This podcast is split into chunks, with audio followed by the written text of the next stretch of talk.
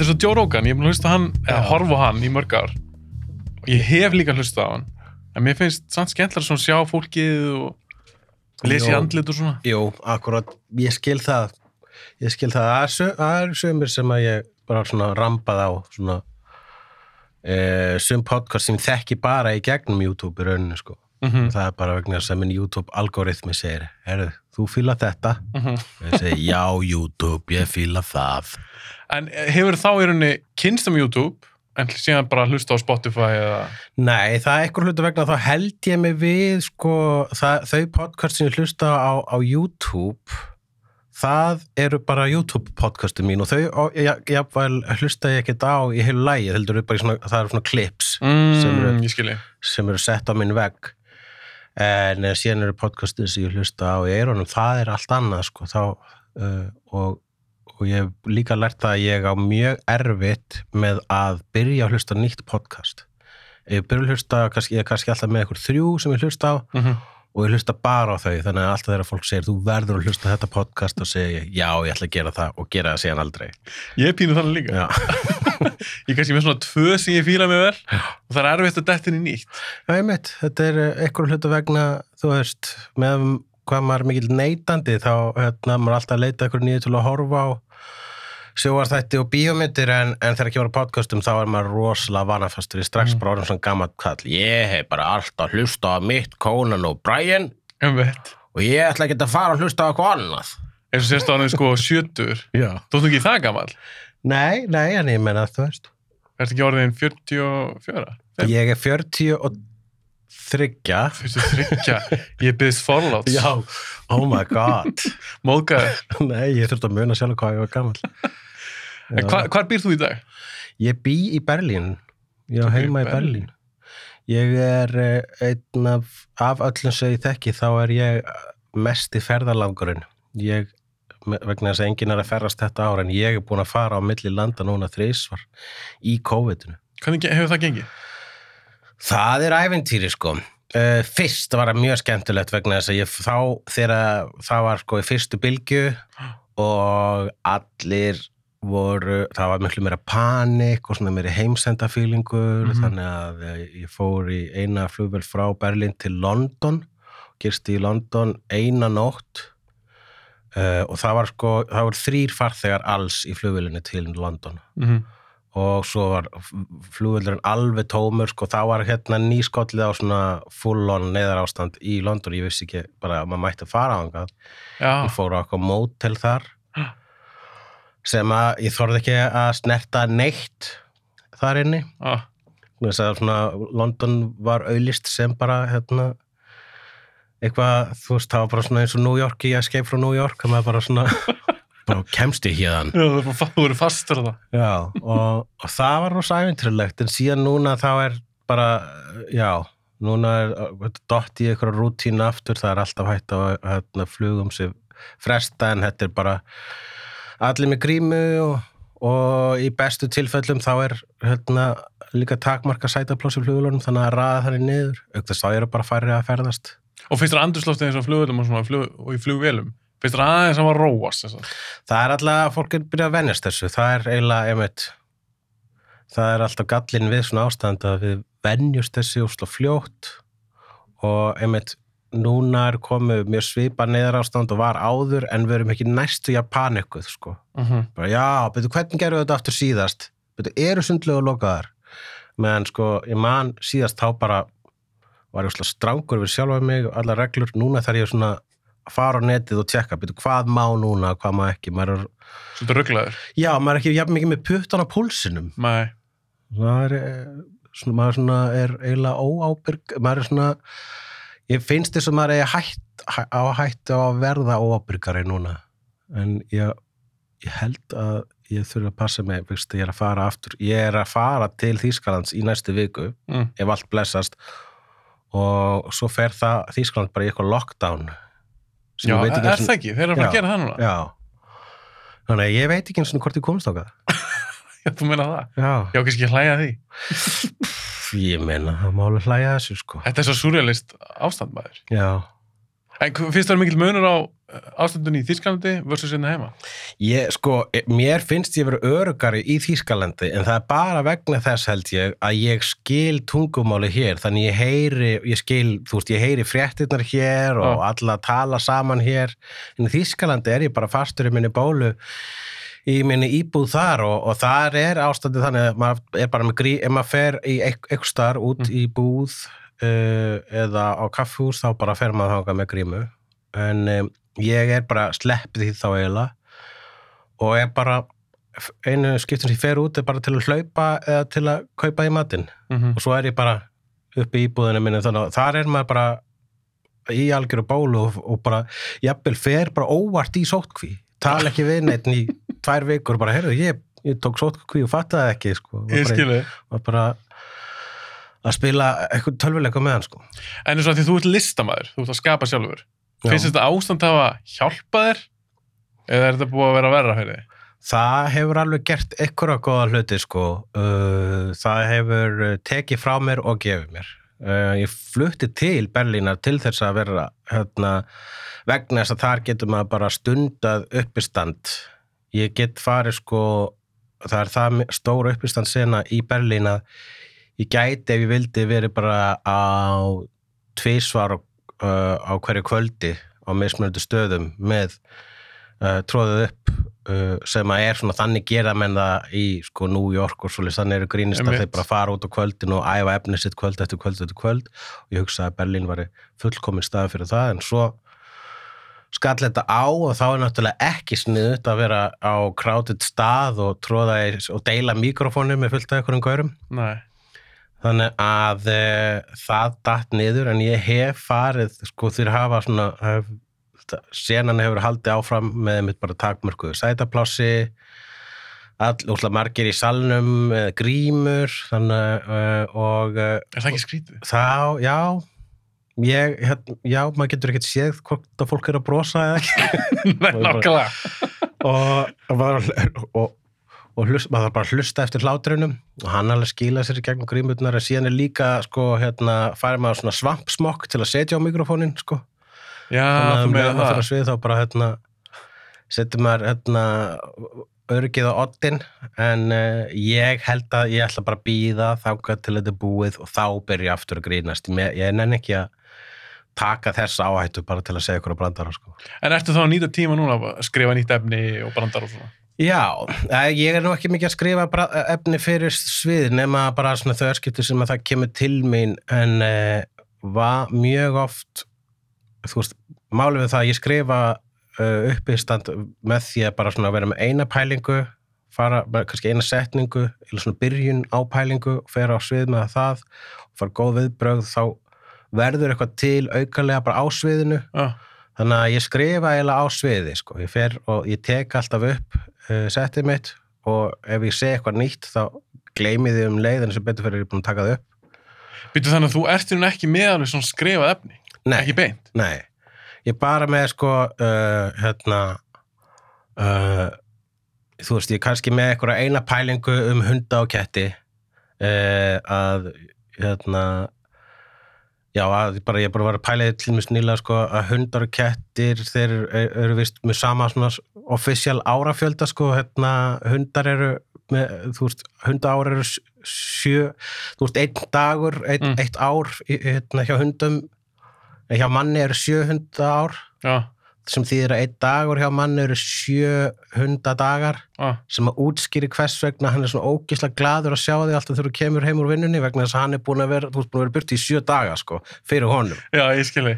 Útskýri líka hvers svona kettir þegar þú kemur heim til þeirra, þá eru þeir bara, á, þú ennþá heima hérna, Þannig að ég hef með eitthvað svona byrjunapælingu á svona, þetta, svona hvernig hundar og kettir pæla skilja tíman og ég er bara með það, svo fer ég með það á svið og segi þetta og ef það fær góð viðbrögð þá verður eitthvað til vegna þess að það vera vegna þess að allir er svona glaðir þá fær maður svona sjálfströst og segir bara óvart eitthvað í viðbót. Og svo allt í nefnir maður bara, bara byrjar að bulla. Mm.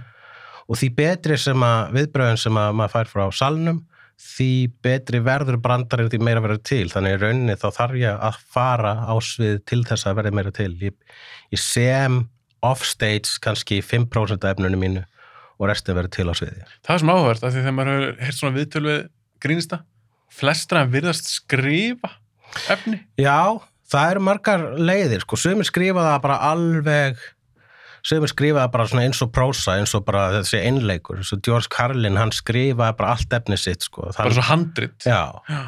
aðrir eru um svona, svo, eru margir eins og ég þeir gera þetta, þetta verður til að sjálfa sér. Sumir bulla bara alveg gjörsalega sko, það eru Billy Connolly og, og Jeff Garlin eru báðir einhverjir sem að skrifa aldrei efni sitt heldur fara á svið og svo gerist bara eitthvað. Já, finna bara einhver orkur frá áhörndum og það er mjög öfundsvert. Ég myndi einhvern veginn halda að það verið erfiðara. Ég, Já, ég, þetta er bara fer eftir hvernig heilin manns virkar sko. Sumir, geta, sumir eru bara með þessa orku sumir bara eru algjörlega drifnir áfram af salnum og aðrir eru bara einfallega með þetta starffræðilega útlistað hérna, mm á einhverju blaði sem þeir bara æfa utan af eins og leikarar og svo er bara allt þarna inn á milli sko. Já, þetta er mjög áhugavert. En nú ertu búin að gera þetta mikið. Þú ert búin að gera teiknutissu bækurna einar. Varst ekki eitthvað að skrifa skaupi líka? Jú, og er að því núna Þú býttu, ert þú að skrifa nýjasta? ég er einn af þeim Ok, einn af uh, sex aðlum sem er að skrifa sköpi núna og getur þú að gefa okkur eitthvað tís? Já, það verður alltaf að tala svolítið um COVID Grunaði það? að vera einn eða tveir brandarar um COVID og svo leis En hvað, og, og bara ertu, er þetta bara núna, tekur mesta tíma hjá þér? uh, Já, nú, akkurat núna þá er svolítið vegna þess að við erum að fara að læsa skrifum sko uh, og fara í tökur og þannig að núna er verið að uh, svona reka á eftir að hérna, e- endur skrifa sko, já, endur skrifa svona allar, sketsa, þá sketsa sem enda í skaupinu þannig að uh, maður er svolítið svona á skaupvaktinni núna, við erum búin að vera meira svona laus húst, því, því uh, meira snemma sem við erum í ferlinu því lauslega erum við Já. svo náttúrulega bara íslenska leiðin þegar hérna deadline er nálgast þá bara drífu okkur Þetta reddast. já, akkurat En nú erstu með hópa fólki að skrifa það. já, Hvað segir þið, sex? Er það? við erum sex, já Hvernig virkar það? Þú veist, hittist þið öll eða er þið bara að kasta fram og tilbaka einhverjum hugmyndum á, á Facebook eða... Já, jú, það er svona lítið spjall uh, á Facebook, bara í Messenger og svo er, uh, já, náttúrulega hittust við ekkert heldur bara Zoom-fundir Já. og uh, allir skrifa bara það sem þeim dettur í hug og lesum fyrir hvort annað og það sem virkar heldur síðan áfram sko. og, hérna, og þetta finnst mér mjög sniðugt upp á sérstaklega skaupið vegna þess að þetta þarf að höfða til svo margra þá er mjög um þetta að hafa svona marga sem skrifa þá verður bara alls konar stíl Mm og verður líka það mikið að mismunandi svona stílum að það verður stílinn, þessi blanda sko. Skilji, þessi Og- súpa af fólki. Akkurat, sko. Mhm. Ég held að það sé sniðust að leiðin til að skrifa skaupi er bara einfallega að ná eitthvað svona þverskurði, sko, á þess að reyna það samt, að bara fyrst og fremst er fyndið, fyndið og það sem að fólk hlæra, það er það sem að uh, ratar áfram í second draft og, og third draft, sko. En eins og með að þetta er skaup, og eins og segið þetta fyrir marga, ef að þú erið beðin um bara eitthvað til að skrifa þetta bara einn, þú myndur bara eiginlega að segja nei við því? Ég bara það verður óreittlátt fyrir mig og þjóðina uh, ef ég myndi skrifa einn þá myndi það vera mitt verk og þá hérna sko að nógu leiðilegt já ég er náttúrulega ger ekki sjálfur með það að kíkja á kommentin eða hérna eftir þú veist á 1. janúar ég, Þú það ekki? nei, nei. Ég sleppi því sko. Ég er einmitt, ég er mjög ánægð með sjálfur mig bara hvað var þar já, bara all komment, ég er hættur að lesa þau. Já. og ég held og það er ekki vegna þess að ég er svo þroskar það er vegna þess að ég er bara það upptekinn og það er mjög góðu stað til að vera á. Uh, og þannig að eh, þannig að verða alltaf einhverjir, það verða alltaf einhverjir reyðir og það er eiginlega verður líka að vera þannig, fólk verður að vera með skoðanir á þessu, sumir verða að vera pyrraðir og tala um einhverja pólitíska slagsíður, aðri verða að segja þetta var ekki nórætið og sumir, þú veist, það er vegna, vegna þess að allir eru að horfa á þetta, þess, þess verða alla skoðanir á þessu.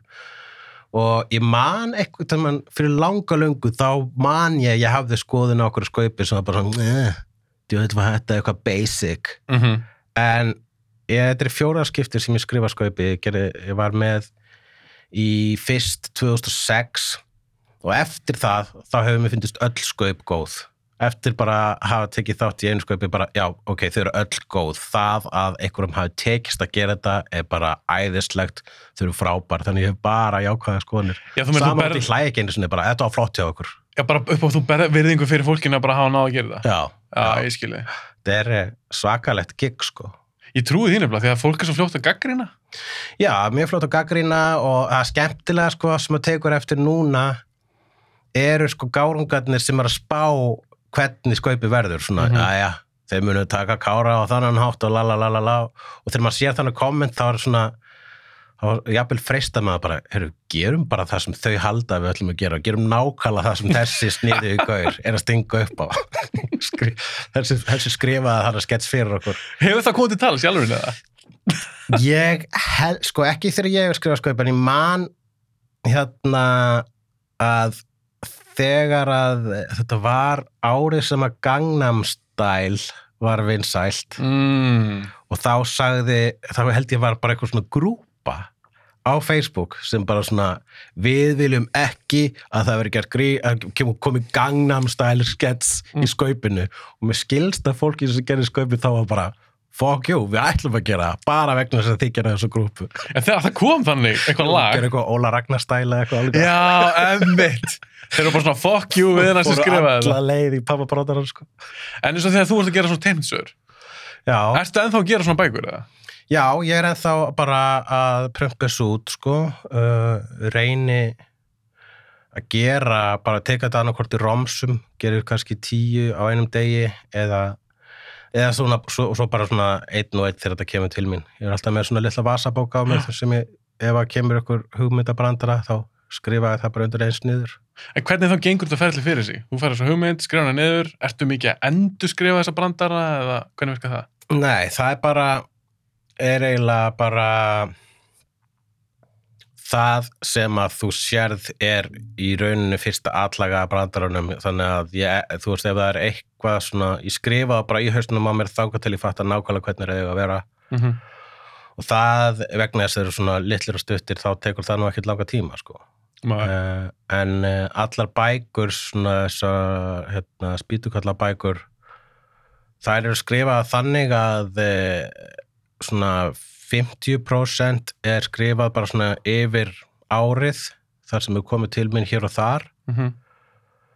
og svo er restin skrifuð í paniki fyrir deadline að, og svo bara blanda ég það saman og ég veit ekki mununa það eftir ég sko ég man aldrei hvort ég gerði í flýti og hvort ég gerði úthugsað Hvort virkar betur fyrir þig? Þú hefur bara svona allan tíman í heiminum eða þú erum deadline?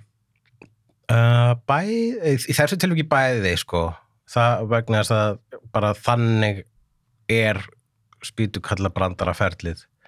En uh, þegar ef ég á að skrifa eitthvað ég skrifa leikrit eða skrifa fyrir sjóarp þá er deadline og þá hérna, e, það er rosa góðu drifkraftur að vera samningsbundin til að skila ykkur á þessari ákveðnu stundu þá verður oft til að verða ótrúlegastu hlutur til sem að maður fattar setna voru bara heldur góður en þegar maður var að skrifa bara þá hugsaði maður oh, ok, ég gerir bara eitthvað svona Mhm. ok, þetta hlýtur að reddast og svo bara, herðu, þetta var nú bara heldur sneðut hjá mér vegna þess að ég fekk ekki tíma til þess að efast um það sko. Nei, það er góða punktur. það, er, það er svolítið gott að, hérna, að vera settur á þann stað þar sem maður bara maður má ekki ofugsa það eða mikla það sko. Nei, þá getur maður að fara út í eitthvað rugl, sko. Já, það, maður, maður er svolítið manns ein versti óunnur en en e, já, ég er svona að reyna ég er svolítið að reyna að temja mér sko sama svona vinnu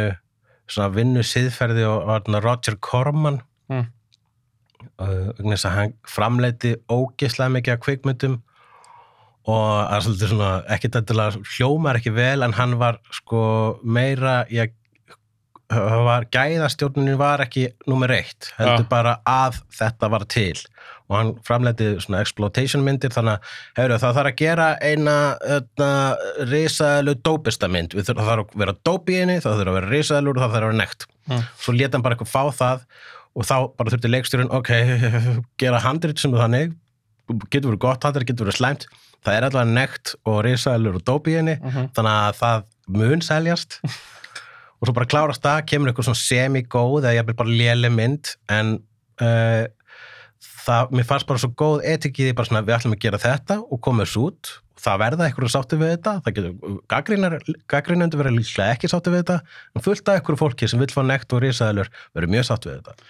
Já, það er eitthvað sem sagði ekkert við mig, sko, ef, að, ef þér finnst eitthvað cool, Já. þá mjög líklega með öðrum finnst það líka. Já, það er einmitt það sem ég hugsa, sko, ef að mér finnst eitthvað fyndið, Mm þá þá hlýtur að vera eitthvað annar, annars er ég bara eitthvað skreitin, sko. Það er bara eitthvað annar sem fylgða þarna. Uppáhaldsbrandararnir mínir sem ég skrifa eru þeir sem ég held ennþá að ég er svo eini sem fýli, sko.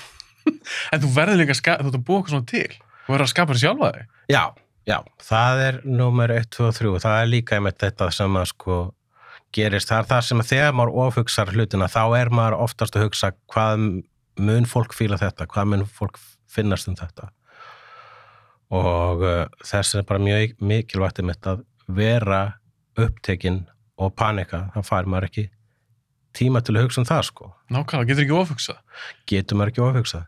Það er mjög uh, hérna, hættileg braut að uh, ég man eitthvað tíman þá var ég í einhverjum hóp sem var að skrifa, vorum að sko bara svona að skrifa átlæn að sjóastáttum sem urði aldrei til og þegar við vorum að, þegar ég var hérna að pitcha svona brandurum þá kom stundum kommentið, já en þú veist eitthvað hérna Kalli út í bæ mun ekki fatta það. Mm og ég bara, já, en þetta er ekki fyrir kalla út í bæ, þetta er fyrir okkur. Vi, við föttum það, Já.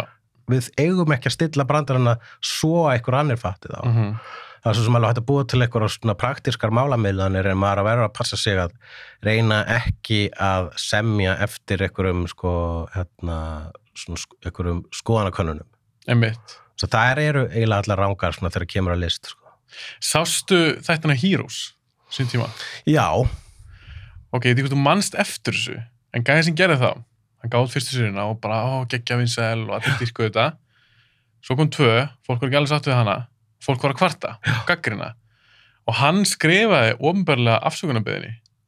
já, ok Manst, ég veit ekki þú mannst eftir þessu. Ég, uh, það mér rámar eitthvað í, þetta, sko, hvena gerði hann þessa afsökunarbyrni? Bara nýlega? Við, nei, nei, nei, nei, þetta er, með minnir þetta sem millir sérið 2 og 3 og hann fór henni, hann let hafa þetta svo mikil áhrif á sig, það sem fólk var að segja. Já, Og mér fannst þess að hann, fór að skrifa þess að þætti fyrir aðra.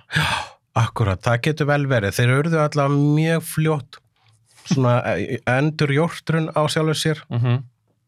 og alltaf uh, endur tóku sig alveg, sko, hérna, var ekki fyrst, fyrsta serían var bara, já, ég, ég er komin úr framtíð, ég sá framtíðina, við þurfum að stöðva hérna, heimsendi sem er í framtíðinni. Bjarga gera, já, bjarga klappstýrinni og svo geraðu það og svo kom næsta sér að en núna er annar heimsendir í framtíðinni Já, og þá var þetta svona ok, þetta var lélegt. já, En mér finnst það bara stundum svolítið hættulegt þegar, og kannski ekki hættulegt, en mér finnst það leðilegt þegar þeir sem er að skapa eitthvað fara að hlusta aðeins svo mikið á áhörundur og eru farið að, að, að svolítið svona korskorrekta út af hverju gaggrinni. já, nákvæmlega Nei, það er, það er uh, maður bara, núna því meira hor, sjóarp sem maður horfir á því uh, auðveldar, uh, því svona augljósara verður þetta þegar þetta gerist maður Mhm. spottar það strax bara nei, nei, núna er verið að mata okkur, núna er verið að reyna að, hérna, að þóknast okkur og þetta er mikið núna svona, hérna, svona fanservice þegar koma bíum, oft er að koma framhöld Mm -hmm. Tek eftir þessu sko sérstaklega í framhöldum af grínmyndum eins og til dæmis Súlandur 2 eða Angorman 2 að það er svolítið mikið að referensum í fyrstu myndina, ég kalla þetta uh, callback brandara þar sem að bara, manstu manstu fyrir að við sögum þannan brandara í fyrstu svo nú erum við að gera aðra útgáðanum og maður bara, "Æ, nei, nei, ekki gera það og, og það er líka bara, þú, þú bara meira vegna þess að þegar ég samtu brandarann fyrir fyrstu myndina, þá vissið ekki að þetta er það sem eru kvótað, sko Nei, nákvæmlega. það var bara, að slís og Já. núna eru að gera viljandi og þá er bara svona já, ok, jú, ég, ég man, ég man Mér finnst það- bara svo, þetta er leti. já, Mér finnst það að leti. Eitthvað, já, þér fannst þetta ógislega að fyndi verið tíu ára síðan. Já, Finnst þetta ekki fyndið aftur? nákvæmlega mér finnst miklu skemmtilegur þegar það er bara svona þegar, einmitt, þetta er sérstaklega í gamanmyndum, sko, vegna þess að þá er, þá er meira leifi til þess að fýblast en einmitt, ég þess vegna gerist það gerðan að gama myndi nummer tvö eru eitthvað algjörlega síðri mm og einmitt, bara svona fan service sko, Rung. já Star Wars gerði þetta núna líka mjög mikið sko, en, Ég ætla að spyrja út í þær, nýja myndar. já, Hvernig ég, finnst þér þær? ég á eftir að horfa þar aftur alveg í gegn, ég var hrifnastur á Last Jedi Er það? Já ég, eða þú veist, mér, hún var svo eina hún var bara svona full on weird og, og líka með flotta atriði en þú, svo var náttúrulega þessi hérna, spilavítis Plánutan og, og Benicio del Toro karakterinn var þarna bara að eiginlega yngri ástæðu og, uh, og jú, fullt í plottinu sem hægt að gera út á svo sem en, hérna, en mér fannst hún vera svona mest hérna, hún var hún var mest bara öðruvísi sko.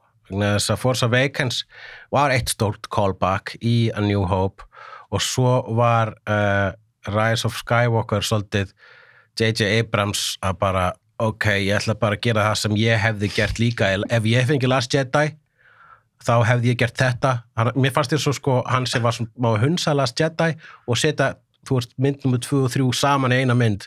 Og, og, og svo mikið fanservice bara bara og núna kemur þetta, kemur þetta gameskip og þessi, og þessi, og þessi, manstu þessi og þessi, og núna koma allir allir, og í lokadæminu þegar allir mæta, Mm ég vildi óska þess, vegna sem að sá hérna, ó, það er svona gameskip og svona gameskip ég vildi óska þess að það var eitt svona Jar Jar gameskip ég hef verið mjög glaður að fá svona Jar Jar kolb Fá kólbakk í hann. Ég meina, ef þú ætlar að gera það þú veist, þú verður að viðkjanna að Jar Jar er hluti af þessu heimi, officially Algjörlega. láttu hérna The Dungans, uh, Gungans fá sér degi gameskip í loka barðaðanum En mér finnst bara svo áhört við þessar nýja myndir, þessar þrjár, að mér finnst það eitt stótt klúður bara. Já, algjörlega Og, og mér finnst bara, þar voru leikstjórar, því Ryan Johnson gerði náttúrulega Last Jedi.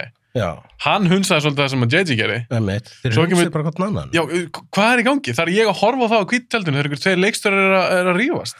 Þetta var einmitt sko eins og svona söguleikurinn þar sem að eitt segir eina setningu og næsti segir næsta setningu en nema að hann begði algjörl út af spórinu Já. hann Ryan Johnson og svo kom JJ átti að gera aftur og þá bara ó, að fara aftur hann á mínu braut en það var eins og það var bara engin rítstjórn sko.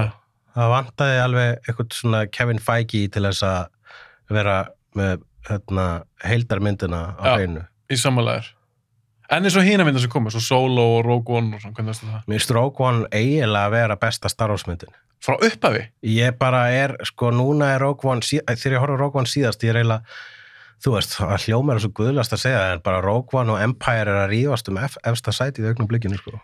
Vá, þetta er stór orð. Já, já, hún er alveg klikk, hún er bara svona, hún er rosalega, lítur út eins og, hún lítur út eins og bara New Hope, sko, svona heimurinn. Já, nema bara skítugri og uh, og er eina Star Wars myndin sem er hún er svona mesta stríðsmyndin af stjörnum stríðsmyndunum hún er Mhm. bara um stríð þú veist, og bara full af dauða og vonleysi og, Mm. og er líka einn stór, þú veist, bara tekur þessa Death Star pælingu og með einhverja svona Oppenheimer eh, pælingar, þú veist, hvað var mannin sem að skapa þetta skapaði Death Star þannig að þetta er alveg svona með vísanir í veruleikan maður svona smá hérna, setni heimstyrjaldar svona væp yfir Mhm. þessu þannig að maður mað skinjar sko svona hættuna svolítið hvernig fannst þér þegar þeir voru að tölvu gera?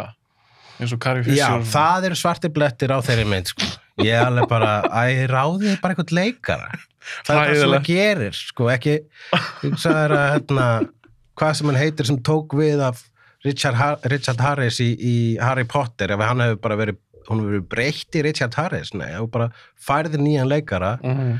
ég var meira sá því sko bara að uh, ef að sko fyrst að Carrie Fisher dó þá kemur bara einhver önnu leikona leikorana og ég hugsaði bara Meryl Streep, ráði Meryl Streep til að leika General Leia vegna þess að hún leik mér þess að eila Meryl Streep hefur þegar leiki Carrie Fisher í Postcards from the Edge sem er uh, byggð á skáldsögu sem er sjálfsæfi sjálfsæfi sögulegri skáldsögu eftir Carrie Fisher Ég vissi það ekki. þar emitt er svo mynd, þar leikur uh, Meryl Streep karakter sem að uh, Carrie Fisher byggir á sjálfur sér Mm og ég hugsaði, það meika bara sens setið bara snúða í hárið á, á Meryl Streep Það tekur enginn eftir þessu. Það- og líka, og líka Mer- hvernig er þetta heiðra Carrie Fisher meira en að Meryl Streep taki við Einmitt. sko. það eða að laga Last Jedi þannig að það var e, leia í hérna, kamikaze atrinu þar sem að hún, Ekki já, já. það hefði náttúrulega verið rosa flottur döðdægi fyrir, það verið svona viðegandi hetjulegu döðdægi fyrir leiði sko. En, hvað fannst þú um þessu í Last Jedi? Mér fannst, uh, mér fannst það mjög einkennilegt þegar ég nota þetta, þessa tækni til að sprengja hérna eitthvað. Já, til að, að, að, að ljóshraða sig í gegnum Já. Já, mér finnst það mjög flott En finnst þetta ekki svona pínu skrítið? Ákveður þetta ekki bara nota alltaf? Já, vegna þess að þú ert að drepa sjálfa þig í leiðinni sko. Ég hætti að bara geða þetta effektiv. Já, já, já, alveg, þeir ættu náttúrulega að gera þetta, þetta er náttúrulega hriðiverka menn, the rebels, sko, þannig að það er skrítið að sé ekki að gera þetta oftar, en, en hérna, ég vissum til dæmis í öllum þessum dogfights í geimnum þá þegar að það er búið að skjóta þig niður og þú veist þú er dögur, þá reynur allir að stýra skipinu þínu að þeir eru alltaf að því, þeir eru alltaf að rapa í hérna, Star Destroyer og svo leis. Já, reyndar, en þeir ekki, hafa ekki að nota svona lightspeed þess að gera það. Nei, nei, þú þarft að hugsa svolítið hratt þarna, sko. Já, mér fannst þetta einhvern veginn svona pínu svindl. Já, ég meina þeir eru alltaf að drepa sig ég meina þetta er, getur ekki gert þetta á þess að eðalega þetta í skip, þannig að kannski það er ástæðan að gera þetta ekki alltaf Uh, Það það er góð pæning. Önnur, önnur spurning. Hvernig fannst þið þegar að Princess Leia flög hann í Jedi? Það fór í töðunar á mörgum, en ég bara, hvað, er þetta ekki bara force? Þetta er svo astnalegt. hún er bara svona eins og engil Ég meina þau eru búin að eru, það var mjög mikið að nýjum force aspektum sem var skrifað inn í þessa nýju trilógíu sko, eins og þessi símtöl sem kannski tekið Já, já, og, og, og projektaði líka. Mér fannst það rosa flott. En þetta var allt bara, og þú getur líka gert þetta. En það voru einmitt bara, já, í sex myndum það voru er ekki búin að það var force.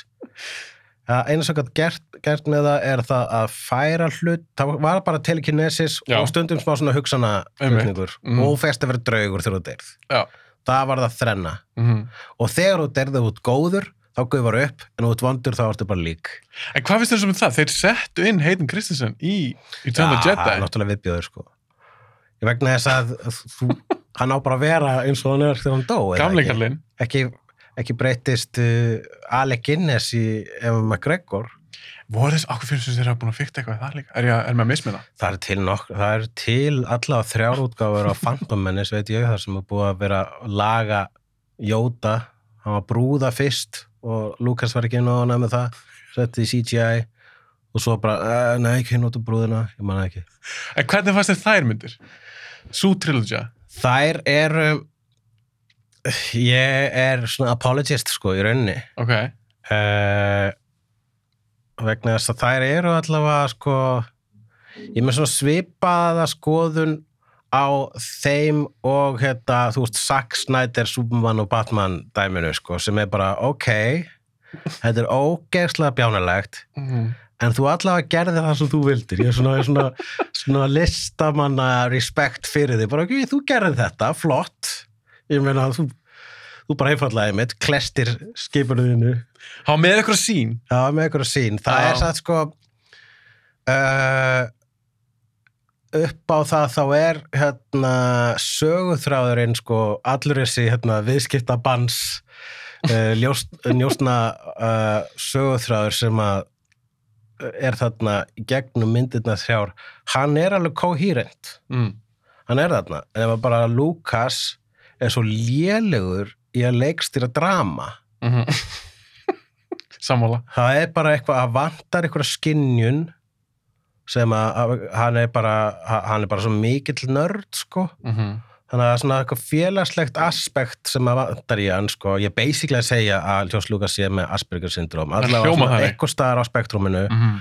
og hérna vegna þess að það verður allt svona það er svolítið eins og 12 ára batt síðan að skrifa ástarsögu þessi ástarsaga þarna þeirra milli sko. Mhm. og, og bara og, og ekki besti casting director þarna, Eva McGregor er frábær en Hayden Christensen uh, þú veist það er einmitt það sem ég hef þessum umdeilalegt og er einmitt, ég fyrir fram og tilbaka með er hans casting snild eða stórslis Stórslis. en máli er það að hann er svo ógeðslega óþólandi að er það ekki pínu, þú veist, ég meina hann er sko svona, þegar hann er úlingur þarna í tvö eða á að vera eitthvað skonar, hann er svona ó, hann er svona óþroskaður og sjálfselskur og óþól, hann er svo óþólandi úlingur allan tíma nei, nei. Allan tíma svona, bara eins og bara svona, eða maður, verður flokkstjóri í, í úlingavinnunni þú veist, ég man eftir bara svipuðu tilfinningu þegar ég var með eitthvað svona verstu gelgjuna Mhm, sem var alltaf með stæla, alltaf so þannig var hann. Mhm. og hann var sko það óþólandi að maður hugsa bara svona, já hann er alltaf ógisla óþólandi En áttu að hata ekki?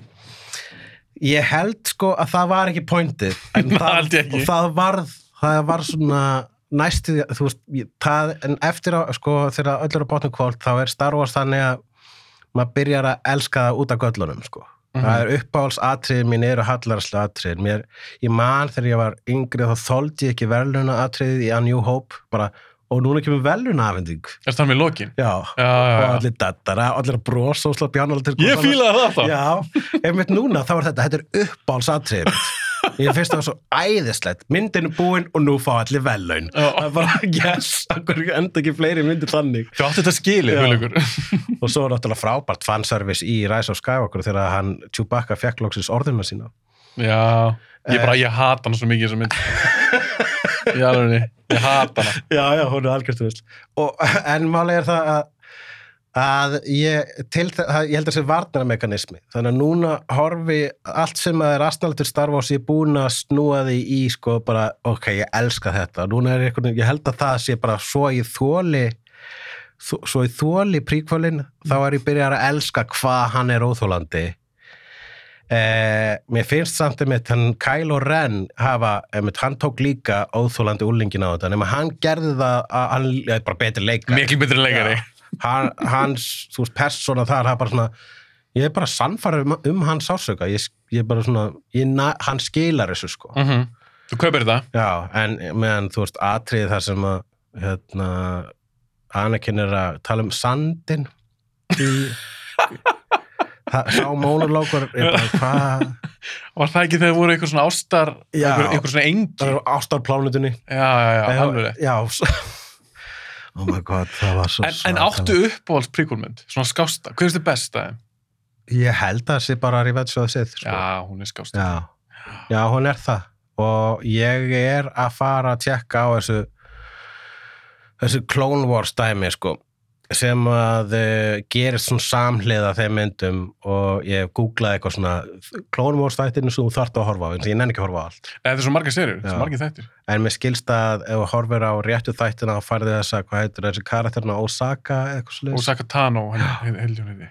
mér langar að kynnast henni eins og hún er að fara að koma í Mandalorian Hvernig veist þið Mandalorian? geggjað og þá, einmitt, þá, mér langar að svona að, mér gaman líka að mér skilst að Clone Wars hafi svolítið uh, fengið að svona laga hólur, fylla upp í hólur í prequels til þess að til að friða alla á nördana Mhm. sem eru bara svona, já en af hverju, hvað svona uh, uh, mér skamar þegar það er gert eins og í Rogue One bara, af hverju svona auðvelt að sprengja Death Star, ah, já vegna þess að kallir sem að hanna eða vildi ekki hanna mér fannst, ég vissi eitthvað á Clone Wars, teiknumdóttunum. Þeir eru alveg skemmtlir. Já. Þetta er alveg vandað, sko. Já, mér skilst að þetta sé bara mjög gott stöf og svo hérna skilst mér einmitt, já, í hérna svona klæmaksinu í þessum þáttum, nýjastu þáttum, þá fáum við Darth Maul aftur og það er Ray Park motion capture, þannig að við fáum aftur Já. það, það, þá snild sem er einmitt flottasti parturinn við e, Phantom Menace. Ég ætla að spyrja, hvernig fílað þú Darth Maul? Hann er geggjaður, hann er svo flottur. Hann átti að vera í allum þreja myndum. Þetta er sko, Þetta er klúður. þeir eru alltaf að drepa bestu karakterina og svo er líka tróðaðin karakter sem skilur, þú nei, hérna, nýju myndinar það er mitt skrýtt eitt af það fyrðulegasta við það var svona þörfin til að kynna nýja karaktera. Og maður hafði alltaf á tilfinningunni að þú veist, þeir sem, þú veist, vegna þess að þetta var úr tveir menn að rífast um sögutráðin Mhm. þannig að sko þessi Benicio del Toro karakter kemur þarna eins og hann sé eitthvað þing svo er hann bara ekki, hann var bara Mhm. þarna til þess að villum fyrir manni og Ryan Johnson drepur hérna, hvað heitir hann, General Phasma sem ég hefði haldið að væri Ég, ég var alltaf betur að hún myndi gera eitthvað. já, gera eitthvað almennilegt Já, svo vera eitthvað töff. dettur hún bara hún deyr eins og Boba Fett, dettur í hólu Já. og, og einmitt bara nú erum við hugsað Boba Fett, að hugsa allir Boba Fett er ekki döður Hann kemur í Mandalorian Já. season 2. akkurat Já, mér finnst það bara svo áhverst að fylgjast með þessum myndum af því að George Lucas gerir þessa prequel-seríu, þessa prequel-trilogy. Ég maður þegar hún kom út Phantom Menace, maður var svo spenntur. Ég hata hana ekki eins og margir hata hana. Út af Darth Maul. finnst Darth Maul, Jón McGregor og Liam Neeson.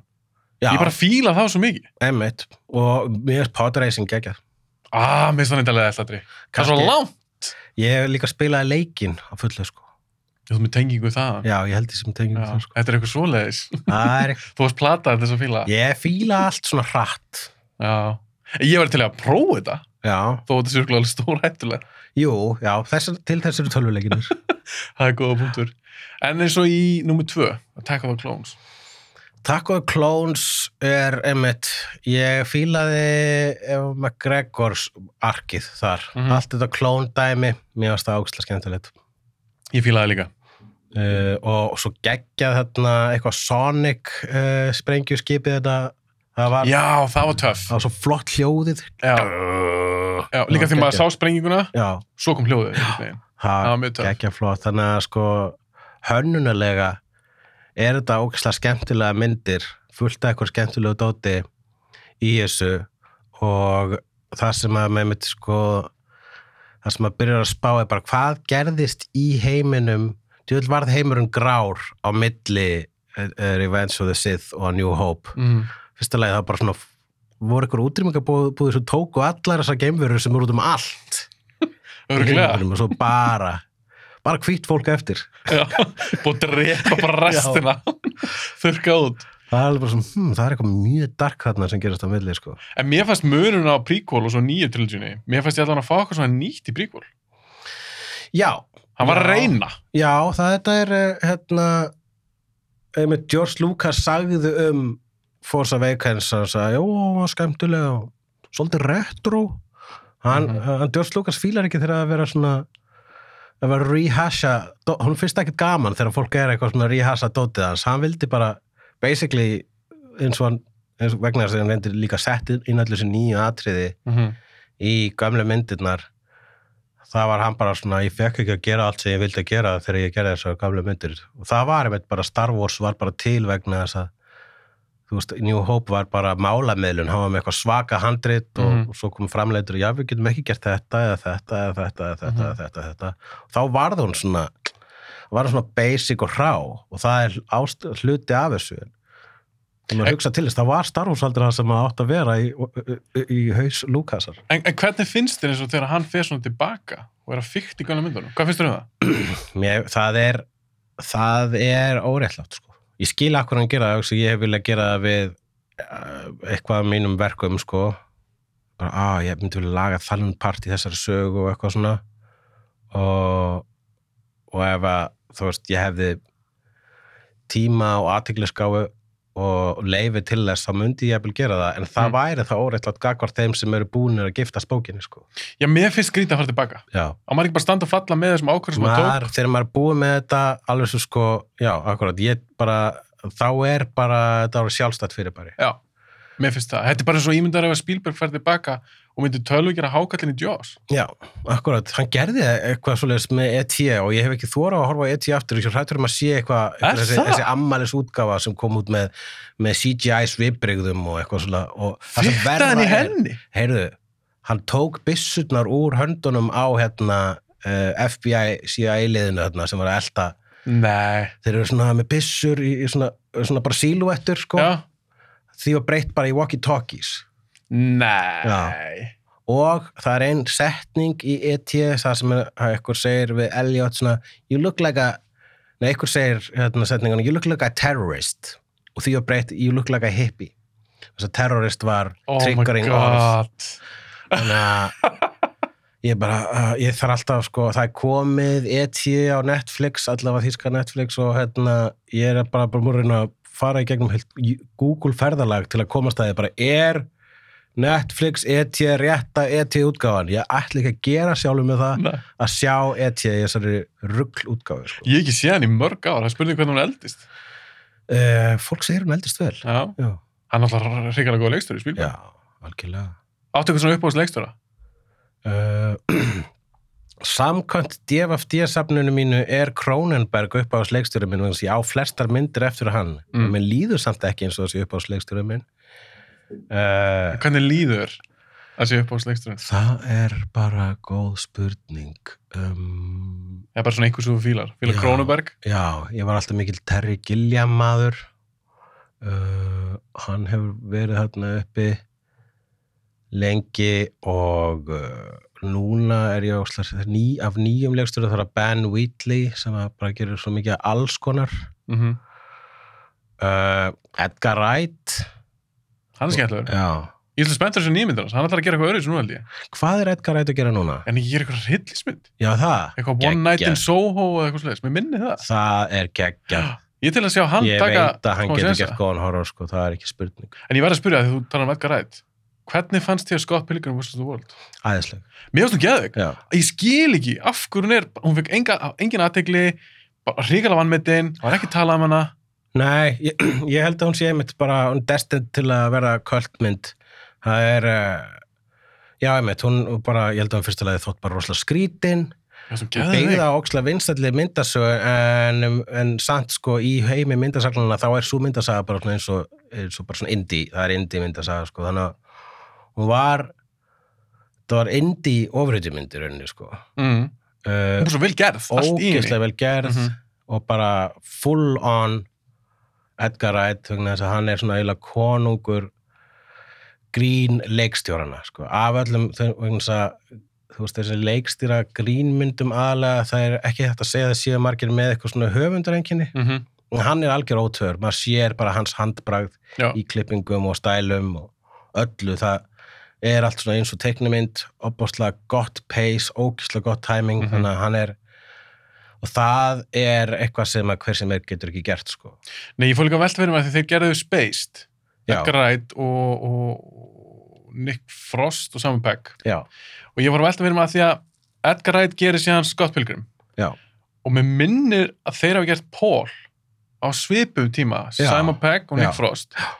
Og þegar ég stáði þessum termyndu þá fætti ég bara, já, ok, þá veit ég hver á svona aðal, já, já það, það er eitthvað rætt alveg tvíma löst sko. 100%. þeir eru ekki mikið án, jú, jú, þeir náttúrulega þú veist, eru góði leikarar. Flottir, en e, það, já, Paul er einmitt sko, þú veist, maður, maður setti, maður, ég einmitt væntingastjórnunum var ekki alveg rétt þegar maður horfði á Paul vegna þess að maður sá Frost og, og Pegg þarna saman og, og, og þá sjálfkrafa þá er maður að fara að búast við ykkur gulli mm en maður fekk meira svona brons, silfur. En það bara svo gana sem Edgar Wright, af því að hann fer úr Hot Fuzz og Shaun of the Dead, svona grínmyndir, svo fer hann út í Scott Pilgrim, sem er líka grínmynd, af því mér finnst hún mjög fyndin. já, algjörlega, hún er ógislega fyndin En það er flott hasrættir í henni. já, hann er einmitt Hann náði er- því líka. hann getur gert bara ógislega góðan hasar Já, og það er líka vegna að hann er kvikmynda nörd já, hann er rosalega sko eins og hérna bara ekki, þú veist það bara er sagt upphátt í Hot Fuzz og undir hvaða áhrifum mm Mhm. svo mynd er, það er bara svona með þess að personarnar í myndinni horfa á Point Break og Bad Boys 2 já, og bara, og þessi mynd er um Point Break og Bad Boys 2 100%. sem eru bara æðislegar, þú veist, og það er svo gaman að sjá svona kvikmyndanörd uh, eins og Edgar Wright hérna, viðurkenna Mhm. að Bad Boys 2 er í rauninni eitthvað skona mistaraverk vegna svona er það Finnst þið það? já, besta Michael Bay myndin sko. Nei! Finnst þið það? hún er sturdluð hún er algjörlega bonkers. Byrjar á þessu KKK atriði og svo í miðri mynd er bílaltingarleikur þar sem að það er svona, lík, það er svona líkflutningar vörubíl og líkin er að detta út af bílnum og þeir eru að reyna að beigja framhjá þeim og keira yfir lík. Og síðan í lokin þegar þeir keira gegnum fátakra hverfið í kúpu eins og bara svona, þetta er eins og eitthvað svona og þetta er vissulega ekki viljandi en það lítur út eitthvað svona ádela á bandarískru utaríkjastefnu, þetta er bara hvað að störtlaða geðsíki er þetta? Og hún er svo rönga mörgum ástæðum. En það verður aldrei tekið frá Michael Bay. Hann er á tvör Hann er það? já, það gerir engin myndir eins og hann. Þú sérð hans hand, ég fer á sko, ég, þegar, ég, þegar Bad Boys 3 var að koma þá var ég bara yes, svo sá ég að Michael Bay leikstyrinn ekki, þá bara, what is the point? Mm hvers vegna að fara á Bad Boys mynd ef maður er ekki að sjá The Bayhem Hún er líka ömuleg. já, gott, ég skal trúa sást því. hana? Það? já, eða, þú veist, nei, ég sá hann ekki. Ég, ég þorði því ekki, einmitt út af þessum ástæðum. Þú mistur ekki miklu. Nei, en það er, hér- hérna er annar maður sem er með örgulega á, á þeir spektrum sko, Michael Bay vegna þess að hvers konar maður gerir fimm transformmundir hvers, konar maður eftir hún búin að gera þrjár bara, mm, ég ætla að gera einu viðbót. Hættum. og svo aðra. Hver, hva, hva? Sástu þar allar? nei, ég hann flast mista fymtu ég reyna að sjá, ég sko, sjá þær í bíó. Ég fór á fjórðu í bíó. Það er einmitt hérna third act actionatriðið sem er, líður eins og séu tveir tímar. Það er, það er kannski 40 mínútur sem er alveg nógu fucking mikið. Það er langt sko. En ég bara, uh, það er skipa þetta úr himnum og uh, það eru miljón hérna, transformerar að breytast í hvern annan og allt og marga byggingar að hrinja og hversu mikið collateral damage er hægt að gera einni mynda og þess að fólk fáið samverskupið og það er, það er bara svona leiðin sem ég var í eða eitthvað svona, eins og ég var bara svona búin að taka eitthvað ofskynjuleg þetta var bara eins og ég hefði alltaf verið í bíóinu og horfa á þessa mynd og það er bara Michael Bay, get, það getur ekki búið til þessu tilvíkunum um Michael Bay sko. það Nei. er sko ömulegt er aukaðatrið þegar það kemur á Michael Bay, það er bara það er ákveðin reynsla sko. Mér finnst hann bestur þegar hann fer ekki alveg all in í þessum Michael Bay-isma sem þú greinlega fílar. Já, til, það- til dæmis The Island. Mér fannst hún mjög fín. Já, Island er mjög skemmtileg og síðan hérna eh, hvað hétt hún, ég sá hennar blæði fyrsta skipti bara um daginn hérna, Pain and Gain Mjög fín. ógeðslega skemmtileg Já, hún er bara mjög fín. hún er svona bara eiginlega, það er svona Michael Bay að prófa að vera smá eins og Coen bræður eða eitthvað Já, veit það. Og hún er alveg. Ho- Já, hann er líka með góða casting agents hann með, hann, ég held að hann er með bara hann reynir að fá leikara sem byrtast í Coen bræður myndum hann er alltaf með John Turturro reglulega sko, Já, góða punktur. Stanley Tucci uh, hérna, Steve Buscemi Það er rétt. hann setur oft það er mjög, mjög oft góðir gamanleikarar og bara svona góðir dramaleikarar sem byrtast í þessum myndum Svona karakterleikara. Já. Já. Það er góð punktur. Ég hef ekki bæltið því almenlega. Já, er, þeir bara mæta þarna og, og, og, og skila sínu og fá góðan tjekka í vasan og þetta er mjög sniðut, það er alltaf gott að, ég held þess gott fyrir svona indie leikara að fá eina Michael Bay mynd af og til, bara svona til að geta þetta náða endum saman. Ég fyrir ekki þeim alltaf. eins og Stanley Tucci til dæmis, mér finnst hann æðisluður. John Turturro.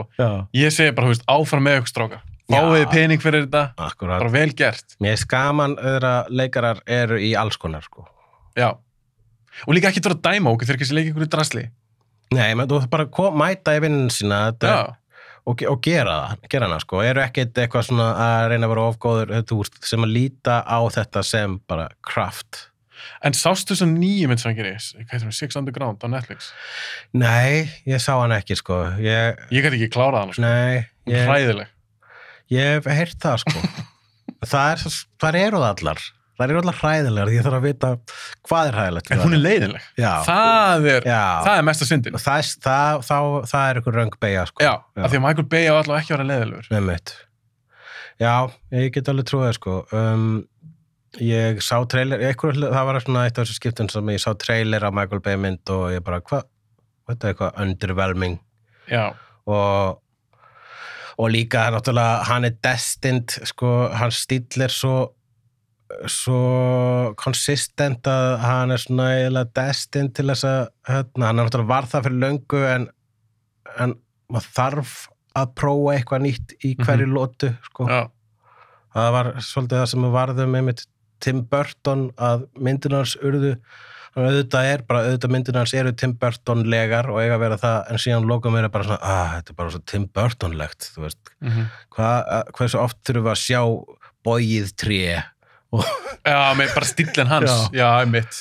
og hvernig er alltaf að prófa eitthvað, eitthvað svona prófa, þú veist þess að leikstöðar þeir sem að eru einmitt, með höfundur enginni þeir prófa samt alltaf eitthvað sem það hafi ekki prófa áður. Það er það sem gerir Coen bræður svona frábæra. Þeir eru alltaf að prófa eitthvað nýtt, eitthvað nýtt approach. Þeir eru, þeir eru gjör ólíka þeir fara alveg í full-on gammamyndir yfir í full-on drama. En það sést alltaf að það er uh, Coen bræðramynd það er svona líka ég fíla hann að nýja leikstur og Ben Wheatley, svo sem ekki alveg nýr. En hans myndir eru all, hann bara gerir all, alla gerðir af bíómyndum, hann gerir Kill List svo var bara eitthvað svona low budget Ég eftir að sjá hana, hún vera heldur góð. Já, svona bara horror mynd um ógisla, ósympatíska leigumorðingja svo white trash leigumorðingja og svo hérna gera hann Sightseers sem er grínmynd um raðmorðingja og Free Fire sem er snildarmynd sem gerist öll í bara sama vöruhúsinu er öll einn byssubardagi Er hún góð? Hún er æði Aha, ég er svolítið svona hrættið að sjá hana.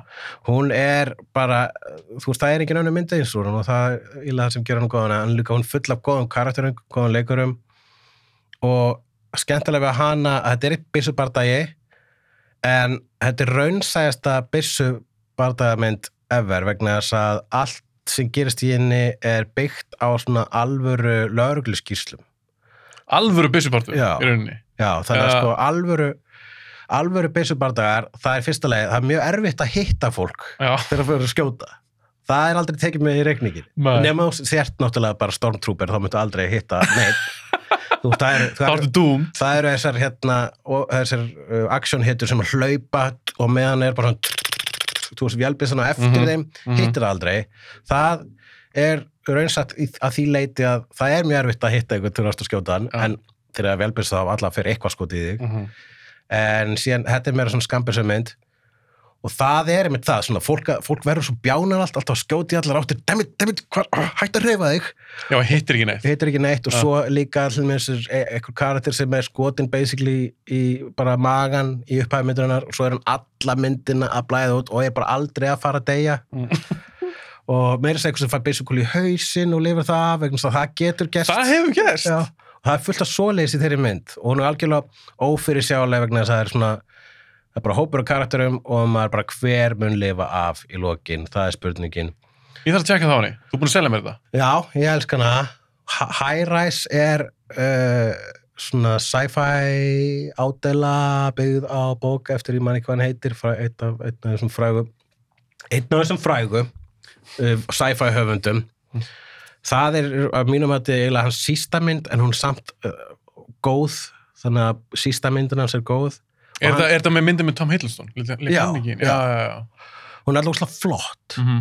um, hún er kannski vegna svona byggð á sko 70s, 60s sci-fi þá verður hún kannski hún sko áderan er með fyrst svolítið dated og tilgerðarlega jafnvel en, en það er kannski bara kannski, ég vissum að ég mun fíla hana betur við önnur áhorf svo gerðan núna síðast Rebecca sem Hitchcock gerði hérna, mynd eftir sömu bók Þetta var hún ekki þetta bara Netflix? já, Já, já, já. þannig að hann er í búningadrama þar þetta er allt Mhm. myndir sem bara gjör ólíkar með gjör, gjör ólíkum stílum já, Field in England hétt einu bara svarkvít rosalega arti perióda uh, svo er hann að fara að gera The Meg 2 Já, ég var að lesa það bara í gæri eða eitthvað. þá er ég bara svona, ok, ég fíla þannan leikstjóra, Hann var að gera allt. ég ætla að gera The Meg 2 Sástu fyrstu? já, ég man ekki eftir henni ég man að Ólafur Darri var í, gleiftur í heilu lægi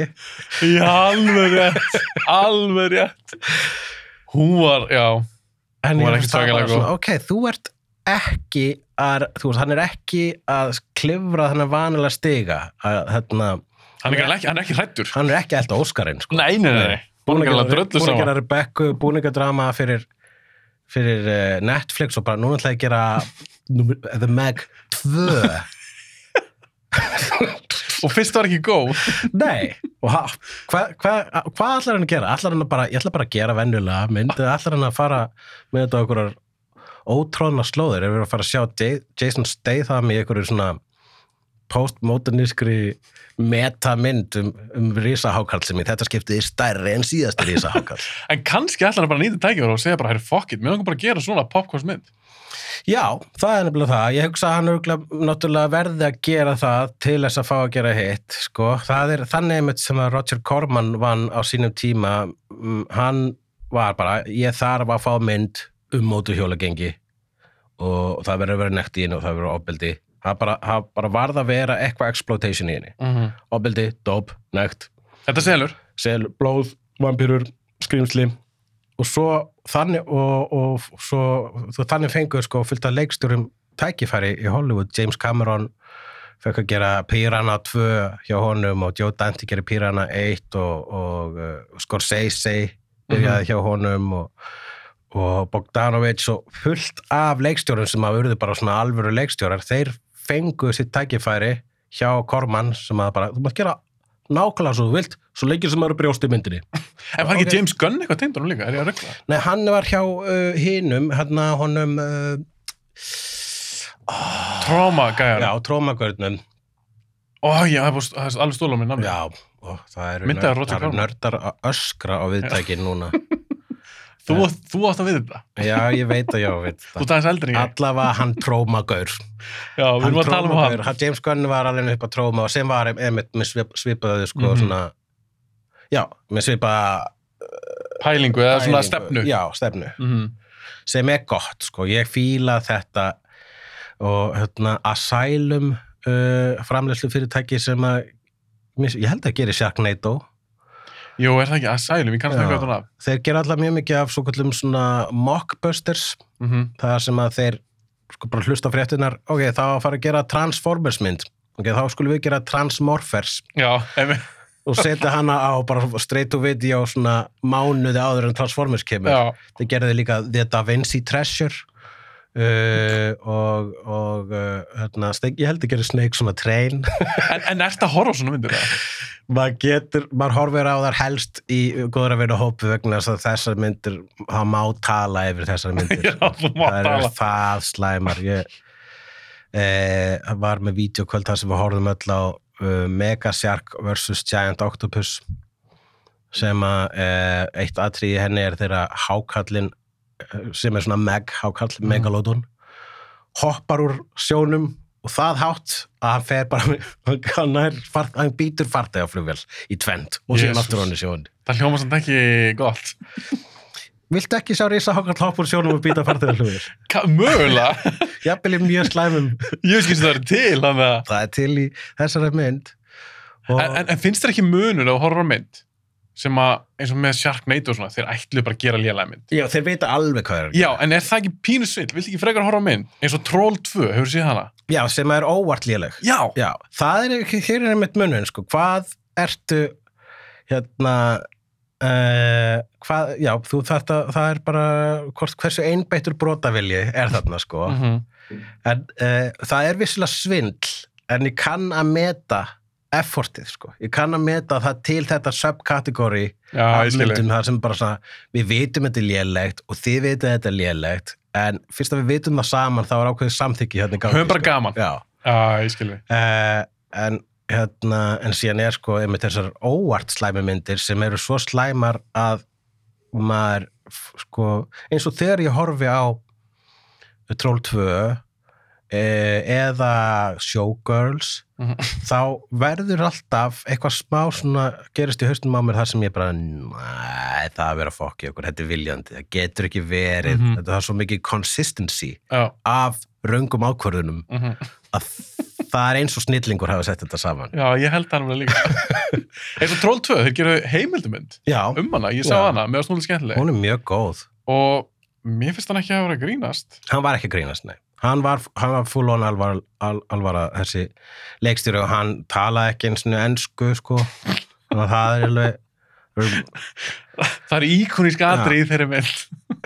Og svo, svo skrifaði myndina var hv- hvernig var það? Var það ekki þannig að það er sko svona svolítið mikið eins og svona anti-grænmetisætu bóðskapur í myndinni hvort það svo skrifaði myndina að var átti grænmetisætu sem maka og var að jafna sig á skiln það var eitthvað svona beturð út í grænmetisætu sem var fyrirvændi maki handrið sögundar, það var eitthvað svo leys Ég var ekki þannig að, það er síðan sá Troll 2, það var þannig að það var eitthvað tröll. já, Og þau voru að geta fólk, en þau breyttu fólkinu fyrst í hálfgett græmmitu. já, breyttu fólkinni grænmetu og áttu það síðan sem er svo mind-blowingly og þau voru ekki stupid. tröll, þau voru goblinar Þau voru, á, þetta, gerist í Nilbog, þetta gerist í Nilbog og sem er goblin aftur á bak. Mhm. alveg hvílit revelation og sniðug hétt. Goblin nema það að uh, hún var bara markaðsett sem Troll 2 Mhm. eins og myndin Troll 1 hafði svona náð smá uh, varð alveg svona smá vídeohittari meðal, meðal aðdáðanda ódýrar hillismynda En það, hún, mér finnst það ekki eins og að svip þær eru, þær eru bara óskildar Já. eru, al- þær eru bókstallega óskildar þær eru, það eru engin tröll í Troll 2 Nei. það eru eins og svo gullu goblinar þarna mjög ljótum búningum Um einhverja grímur og, og það var bara sett og þessu nafninu var breytt í Troll 2 til þess að svo allavega ekkur myndi kaupa myndina til að þetta var bara svona eh, svipað Bara marketing. Transmorphers, Já, já, já. Hérna, að, eh, að ekkur vittlisengur á vídeolegunu hei, Troll 2 ok, svo Er þetta ekki bara svipað eins og gerir stundum með eitthvað, það er eitthvað handrið til í Hollywood og þeir segja, herðu, endurskrifa aðeins og setja John McClane í það, þá er það Die Hard 5. Já, var það ekki málið, var ekki allavega Die Hard 3, var það ekki eitthvað tíma Weapon 100? Um, Það er allavega sko samspilið milli, já, ég held að þeir hafi, þetta átti alltaf ekki að vera Die Hard mynd. nei, einmitt. Það getur verið þetta að vera Lethal Weapon. þetta, ég held einmitt að myndin hétt eitthvað með bara Simon Says. Já, það er rétt. Já, Já, já, þetta var einhver alltaf önnur mynd svo bara breyttur í Die Hard mynd. Já, Það er, jú, það er auðvitað margt sem er þannig sko. bara eitthvað svona markaslega séð, Já. þá er betur hún heiti Die Hard. Það var að selja hana. Akkurat, það var mjög, það er mjög gaman að svona til dæmis líka þegar fólk notar atriði sem átt að vera í einni mynd eins og ískápa atriði umdelda í Indiana Jones 4 Hvernig fannst þér hún? Bara myndið sjálf. hún er ekki góð uh, Hláturinn þinn segir allt. Sem segja var, það. sko, ég var til sára fyrst þá var ég að halda með henni sko. ég bara, já, já, ok, ok Ég líka, ok. ég var pínu þannig. Já, og svo var ég bara, æ, goddammit Svo kom abatrið. abatrið er Hræðilegt. slæmt sko og já, margt, margt það er svo margt augljóslega sko eins og hérna, John Hurt karakterinn hann á, var augljóslega í fyrsta atrið átt að vera Sean Connery átt að vera pappans Já, einmitt, einmitt, einmitt. eh, og Þeir ætlaði að fá Connery, en hann sagði bara nei. já, Connery var líka hættur bara þá Já. hann var bara gerði hérna það var gerði League of Extraordinary Gentlemen og sagði fuck Hollywood bara, Hvernig varst þú? og viðbjöður Hræðileg mynd. en Indiana Jones, haldt ára með það. Já, ískabatrið. Uh, já, það var vist í fyrsta draftin á Back to the Future. Bara upprannlu. Já, já upprænlega Back to áður en þeir ákvaðuð að, að uh, tímavélinn væri bíl, Já. þá átti tímavélinn að vera á einhverju svona nuclear testing site og, Nú. og, eitthvað, og, og eitt aðtröðun var að, að persónu hoppar í ískap þegar, hérna, þegar kjartungurspringjan springur. Uh, ég veit ekkert nákvæmlega hvað samingi var, en mér skilst að það, það, því var nappað þaðan, sko. Ég með hann það þekkir líka sem ekki er svo Já, hann var náttúrulega framleitti emmitt, framleitt þetta þannig að þetta var auðvitað atriði sem Spielberg var með í hausnum allan tíman sko. kannski átti í skúffinu bara Já. Já, ég ætla einhvern tímann að setja hana í ískapa atriði mér fannst það alltaf skemmtir þetta atriði sko. eða flott sko. Já, ég fílaði alveg þetta atrið, þannig séð. Og þegar hann fer inn í ískapinu og hann lifar af, Já. Partur af mér hugsaði, þetta gæti gengi. Já, partur af mér hugsaði að þú veist, ég efast ekkert um það en síðan þegar allir segja þú veist, getur ekki gerst og þá kemur náttúrulega, já, hann endi bíómynd og þar er alltaf sko, þar er alltaf hérna uh, þrætubeinið er sko hvað, the, hérna, the uh, suspension of disbelief, Mhm. hvar hversu mikið yfir strikið má óraunveruleikin fara til þess að segja myndin að fokka sér sko. Ég hef alltaf sagt, ef við erum að tala um það, suspension of disbelief, ég hef alltaf sagt það að ef þú ert að horfa á myndina og þú pælir ekki í svo með að horfa á hana, þú pælir bara í svo eftirmyndina, Já. þá sleppur það. Skilur hvað við? Já. En ef þú ert að hugsa þetta, eins og þú ert að horfa Indiana Jones, þú sér ískabatri og þú ert bara strax, það er ekki séns að þetta geti gæst, það er bara ekki séns. Þá er það mistök.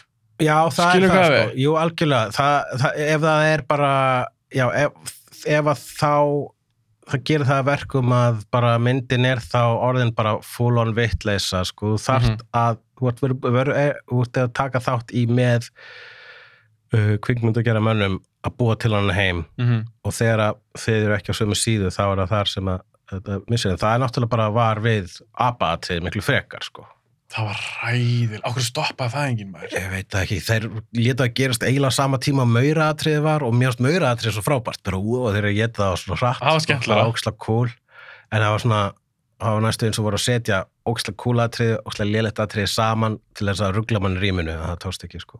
Ég verða að spyrja þess að ég vil alls ekki gleyma því. Ég verða að spyrja út í Marvel-myndar. Já, Að þú. Já.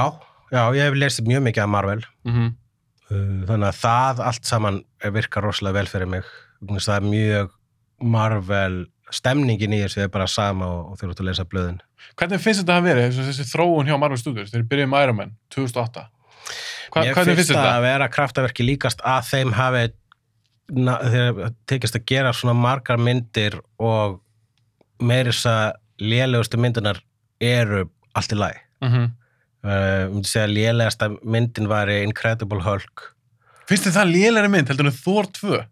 ég nefnilega þarf að sjá Thor 2 aftur Hún er hræðileg. ég nefnilega fannst hún aldrei það ræðileg Ég en hún er alltaf eiginlega neðst á listunum Incredible Hulk er samt svona officially lélegast og svona sangvært skoðanakonunum Mér finnst þú fín. og Iron Man 2 er hérna ekki stað líka Já, mér finnst hvað Hulk betur um 2. Eða Iron Man 2. Já, ég hérna er síðast þegar ég horfa á, á Incredible Hulk þá var ég þá var ég bara, já, hún er Já, það. já, en ég þarf að sjá Thor 2 aftur til þess að komast að niðurstöðu sko. Hún er hræðileg maður. Hræðileg. En hvað finnst þið best svona uh, það gæti við, ég meina Winter Soldier Gekkir. er bara algjörlega frábær og, og líka Civil War og svo er eiginlega sko það sem maður byrjar að gerast nánast við þessa myndir að maður er hættur að hugsa um þær sem bíómyndir heldur meira eins og sjóvarp sko. Og þannig að þegar að þetta, þegar hann skor segi sig tjáði sig Mm um þessar myndir og sagði að þetta var ekki cinema og allir nörda brjáluðist þá var ég alveg svona já, það er eiginlega sagt hjá hann sko. Ég, ég er ekki jafn neik ég er alls ekki jafn neikvæður í garð þessara mynda ég finnst það æðislegar. En það er svo það, þetta er ekki alveg þetta er ekki cinema í merkingunni þetta er öðru, þetta er eitthvað svona hybrid milli sjóarpstáta og bíómynda. Meinar að þetta er svolítið mikið svona tengt og svona framhaldsdæmi? Já, þetta er bara nýtt fyrirbæri þetta shared universe dæmið, það er bara nýtt fyrirbæri í kvikmyndafrásögn sko. þannig að þegar að ég veit, þegar ég þarf að ákveða hvað er besta bíómyndi, mér langar ofta að segja Endgame, Mm bara vegna þess að svo mikið í henni og bara hún er ókísla skemmtileg -hmm. og aðlega Endgame og Infinity War eru bara svolítið kraftaverk að þeim hafi tekist að gera þetta Ótrúlegt. þetta var bara uppskrifta disaster en bara en gekku upp Mér finnst þeir snillíkar, rúss og bræðinir. algjörlega Já. og þannig að eh, en þú veist, mér finnst næstu eins og þú veist, Endgame sé ekki bíómynd það er bara, það er bara season finale Já, ég skil hvað þetta er. Og sem að hefði, hún væri ekki neitt hefði ekki alla hinna myndinar, hún er bara hún er það velaunin fyrir að horta alla hinna myndinar sko. Mhm. Ég segi líka stundum að því að hún toppaði Avatar. Já, og Avatar, alveg svona hvað finnst um þá mynd þá verður maður að respekta sem Cameron gerði. Já. þetta er orginal mynd og þú kannski segja hún þessi ekki frumleg. Já, þetta er ekki byggt á bók, einmitt. Þetta er ekki framhaldsmynd þetta er ekki endurgerð, akkurát, svo þegar Endgame kom toppa hana, tekjast að mynda allar tíma. Já. fólk bara hvað sko ha, við náum að rústa Avatar mér finnst ekki eins og sangjant með allt magnið af myndum sem koma undan Endgame. Nei nei, akkurát það er bara, þú, þú ert búin að vera að bygg sapna í fanbase sko. já, þetta er ekki það sama. Já, það er ekki það sama, þetta er allt öðruvísi sko. þetta er allt öðruvísi uh, já, þetta er bara hún, þjón, hún er öðru önnu lögmál í þessum myndum. Mm eins og núna eru þeir bara að fara að halda þessu áfram, næsta Spiderman mynd verður með uh, Doctor Strange og, og þeir eru að, myndin er að fara meira svona tíma myndir eins og, eins og Thor Ragnarök þannig að eins og blö, eins og það sem maður sko fílaði við blöðinni voru Mhm. mm. að vera heim, heims, heimsóknir úr öðrum titlum já, það er spennandi og þannig að þetta er já, þetta er allt annað fyrirbæri sko, þannig að meira þess að þú veist, ég, ef ég ætti að tella uppáhalds bíómyndir, þá eiginlega sleppi þú veist, ef ég er að gera topp 50 lista uppáhalds bíómyndum, þá ég myndi ekki neinn Marvel mynd rata ánga inn eins mikið og ég horfi á þar og hef ókislega gaman að þeim, sama hér, þá bara, nei, það er, það er annað. Já. það er bara, þetta er annað fyrirbæri. Já, ég er svolítið sammálaður kvikmyndir er meira eitthvað sem stendur eitt og sér sko. Það er að þú veist að þá- í rauninu þá Star Wars fer inn í sama Empire Strikes Back er eina mínum upp á spíómyndum en það er mynd, það er kapli nummer tvö í stærri sögu já, þannig að, þú farir hún ekkit einhvern almennan enda á hana nei, hún er einmitt, hún er án rauninu án byrjunar og endis vegna sem hún byrja annara Já. mynd og endar í annara mynd sko. en hvernig finnst þið DC verður búin að standa sig? DC, mestu minnstöki sem DC hefur gert er að reyna að vera Marvel Já, þetta er svo vittust maður. og, en besta sem þeir eru gert er að þeirra þeir bara reyna það alls ekki. Og það er verist vera stefnan. Þeir ætla bara að vera, þeir ætla ekki að fókusa á shared universe bara nema þeir eru nenni Mm -hmm. og, uh, og þannig verða myndir eins og Joker til. Hann, og líka og bara já, þeir eru sko styr, styrkur með Marvel er rítstjórnin sem að hefði verið æðislega í Star Wars ef þeir hefði verið með Kevin Feige í þar Mhm. þá hefði það verið beautiful fólk fattar náttúrulega ekki almennilega sem eru ekki nördar. Þau fattar ekki almennilega hvað Kevin Feige er mikilvægur. já, hann er maður sem að sem að sér til þess að þetta smellur saman Já. gefur ágætis uh, hérna, leifi fyrir leikstjóruna til þess að leika sér en svo er bara, nei þú getur ekki gert þetta vegna þess að það mun ekki passa við þessa mynd. Það þarf. Og þannig er að líka bara, þú veist, þetta svipa og, og bara myndasögurnar. Þar er rítstjóri sem Mhm. að sér til þess að heimurinn smellur saman. Að það er að Daredevil geti verið í sama heimi og Thor eins ólíkir og þeir séu. Mm -hmm. uh, og uh, það er var enginn þannig í uh, DC heiminum Zack Snyder átt að vera það og, og svo hérna og svo bara þurfti hann að hætta að leikstýra uh, Justice League vegna þess að út af harmleiki hans fjölskyldu og Joss Whedon tekur með og úrvarð bútasaums uh, stórsleysið sem er Justice League Hvernig fannst það svona? bara, hún, ég tók eins og ég segi ég, það var, ég var bara, þetta er þegar ég sá hana, bara, þetta er ekki bíómynd, það er ekki búið að klára hana Þetta er drass. það er bara, þannig er ein mynd og þannig er ein mynd, tvei leikstjórar að setja tvær ógisla ólíka myndir saman, þetta var redding það er það sem hún var, Ég hef ekki sem gefa hann út, sko. nei, nei en þeir voru bara panika hérna sko Þetta er svo ræðileg mynd. en þeir eru núna, einmitt, þeir, það er bara a, a, það er eins og þú sé að chilla eins og bara vegna þess að það er svona, þeir klúðruðu það miklu Mm -hmm. í að reyna að búa til sitt eigi shared universe og reynda að flýta sér úrslega mikið með það Já. Elta Marvel. já, þá varð, þá varð bara þessi, þessi örvætting skapaði það sem að það sem, já, skapaði Justice League ásend fullt af öðrum faktorum en einmitt það að þeir höfðu eftir Justice League höfðu eiginlega engu að tapa Mm -hmm. það gerir það að verkum að það eru með svona, James Gunn er með að fara að gera Suicide Squad, mm Mhm. Suicide Squad 1 sem var hræðileg Því miður. Eh, það, en en allavega halaði nóg miklu peningi til þess að það er hægt að gera númer, þú veist það er ástæða til að gera nummer tvö og að láta James Gunn gera hana og hann bara einfallega nánast bara rebootar, gerir bara eitt Mhm. allt það sem hann vill, Já. bætir inn miklu fleiri karakterum, gerir þetta miklu já, gerir þetta bara svona meira James Gunn mynd það er óslega spennandi Mm -hmm. og þá, og þessi, þessi nýja Batman mynd, hún lítur út eins og Seven, þau eru bara þau eru að prófa hinn og þessa hluti Ég fíla það. Þeir verðast að fá þessa gæja eins og. Matt Reeves sem gerir núna nýja Batman. Hann er greinlega með eitthvað sín. uh -huh. Hann er verið með eitthvað pits. Og mér finnst það svona svo Warner Bros. að segja bara í dag, herrðu, ok, ef ekki bara treysta hann aðeins. Eins og með Todd Phillips sem Joker. Já, akkurat. Það er bara, þetta er rosa sniðugt. Mhm. Þetta er mjög sniðug leið og líka, einmitt, það er bara, og ég vil ekki að, ég vil ekki að DC verði svo Marvel, ég vil ekki fá tvo þannig heima. Nei. Nei, eitthvað, gera Já. eitthvað öðruvísi. algjörlega. Það er aðeinslegt, sko. En eins og Marvel, þeir eru búin að pumpa út alveg þýlingum myndum. Og svolítið mikið magn bara, hann komið slatt út. Ertu ennþá jafn spenntur fyrir þessum Marvel myndum? Uh, maður er svolítið góðu vanur, en já, ég er það, sko. Ég er sérstaklega spenntur yfir næstu Dr. Strange mynd, Ég sammála því. uh, ég, ég held bara einfallega núna fyrst að þeim tókst að koma, þeim tókst að ljúka við þannan fyrsta 20 og tveggja mynda bálka eða eitthvað Mm -hmm.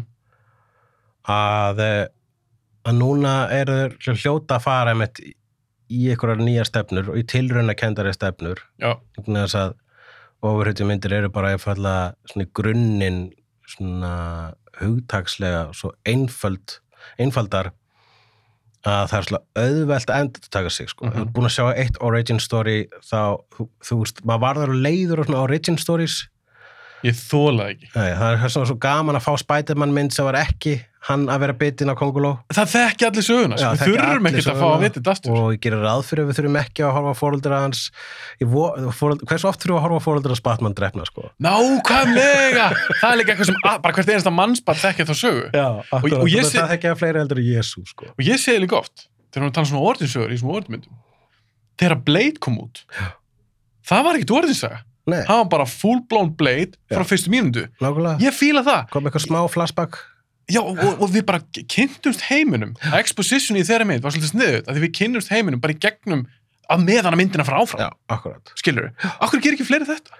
Já, það er alltaf að byrjast fyrir núna, er það leiðin, sko. Það er bara, ok, við þurfum ekki að, við þurfum ekki að búa til söguna lengur, sko. Nei, þetta er... Og það er, uh, hérna, og einmitt, með Suicide Squad, þú veist, þar er James Gunn, hann fekk bara að sækja alla skrítnustu karakter sem hann fann úr DC Mhm. heiminum og hann þarf ekkert að segja hvers vegna þeir eru eins og þeir eru, sko. Þeir Nei. eru bara þarna og við þurfum ekki söguna. Ef við viljum vita söguna, getum við flettið upp á Wikipedia. Já, það er er hún er einhvers þar. Já, ég þarf bara að næga persónsköpun, þannig ég svona kaupi karakterinn, þekki hann aðeins, en höldu sér bara áfram. já.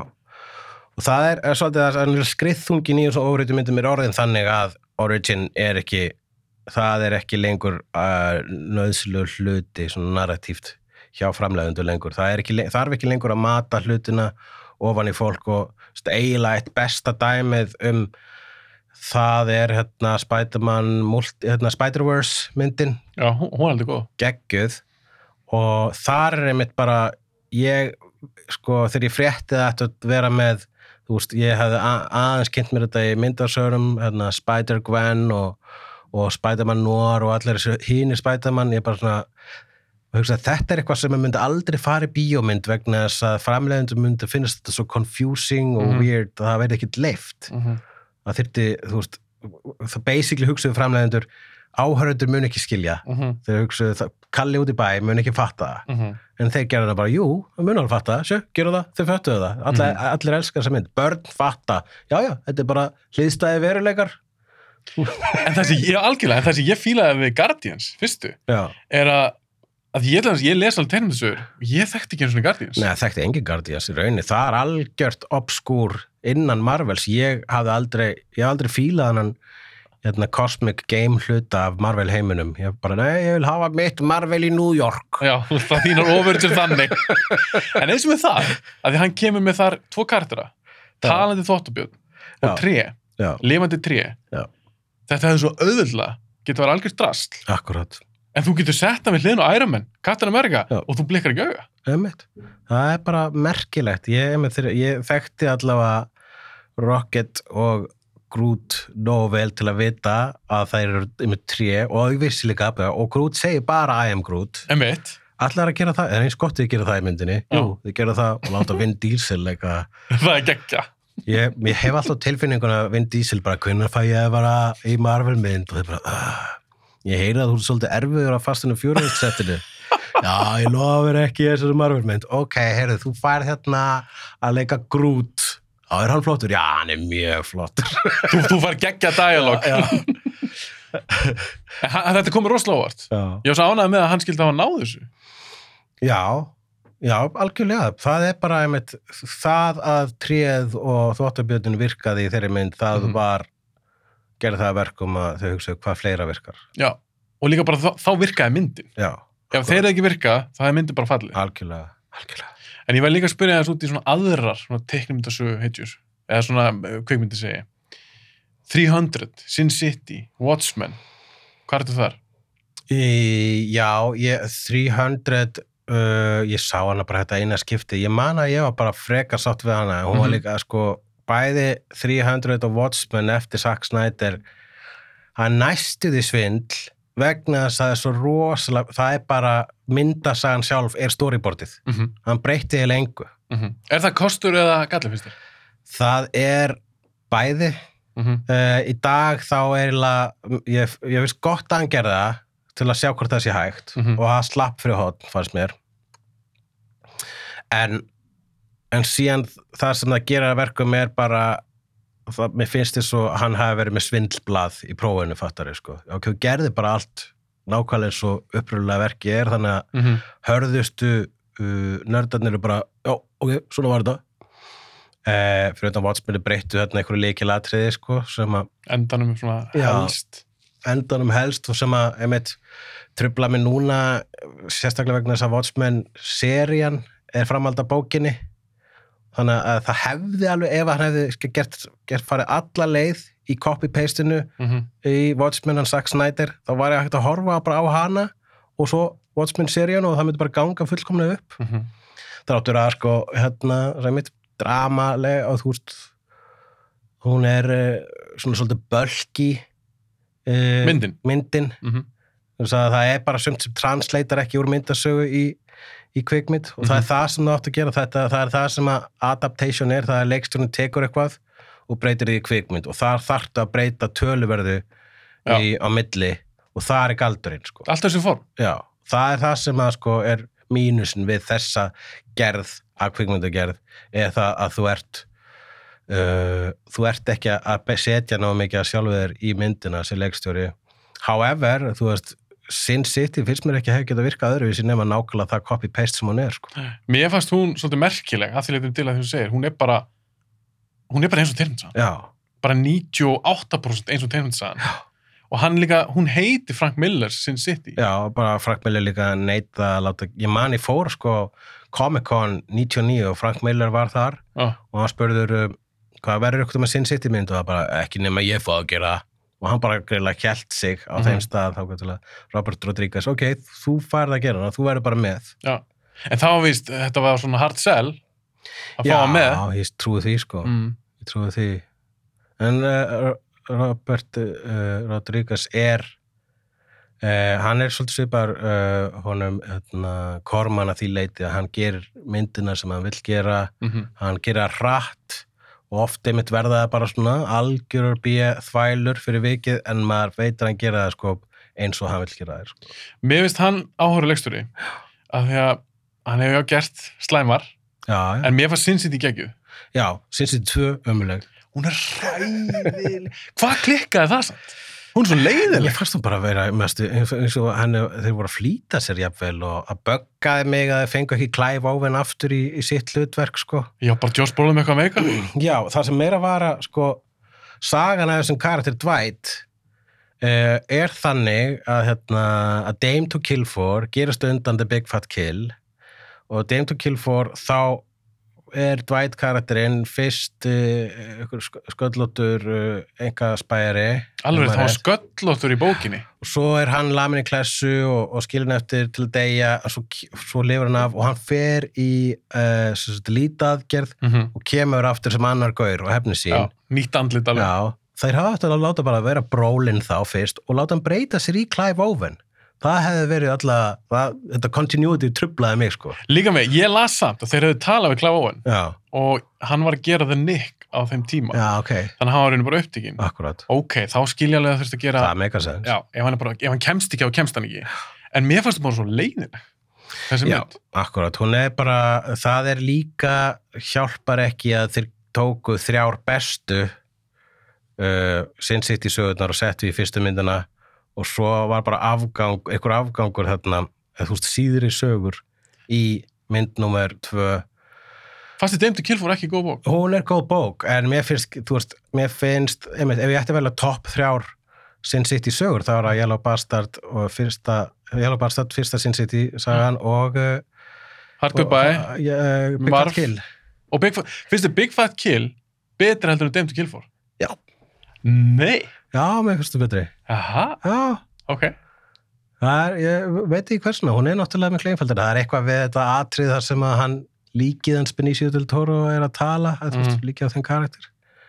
Hún er uh, opbóðslega einföld en það er eitthvað svona smá svona vestra fílingur í henni, sko. mm Uh, og það voru nokkrar, jú, það voru alveg nokkrar sögurnar í uh, í Framhaldsmyndir. nummer tvö sem voru frábæn fannst eiginlega besta sagan var þetta bara eiginlega undan upphafstillunum hérna, eitthvað smá, eitthvað lítil marf saga sem var ekki fleiri en sjö blaðsíður.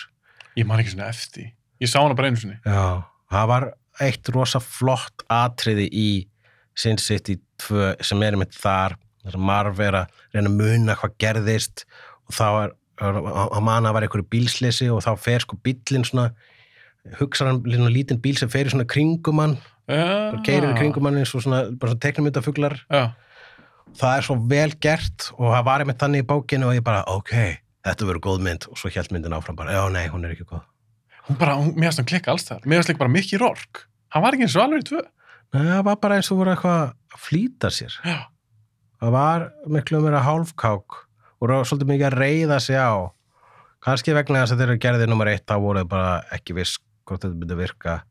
Og það er svoleiðis tilfinningar sem að get, þú veist, svoleiðis svona uh, svona áhætta sem getur stundum hjálpað myndum. En ef þú ert of safe Mm þá allt í hennu einhvern veginn reynur ekki jafn vel.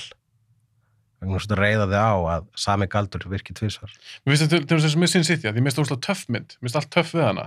Visuals, mér finnst kartan töff, mér finnst tónlistin töff og þeir vissu það náttúrulega ekki þegar þeir voru að gera þetta. Þeir voru bara svona vona. Já, Svo kemur hún út og allir bara þetta er ógeðslega töff mynd maður.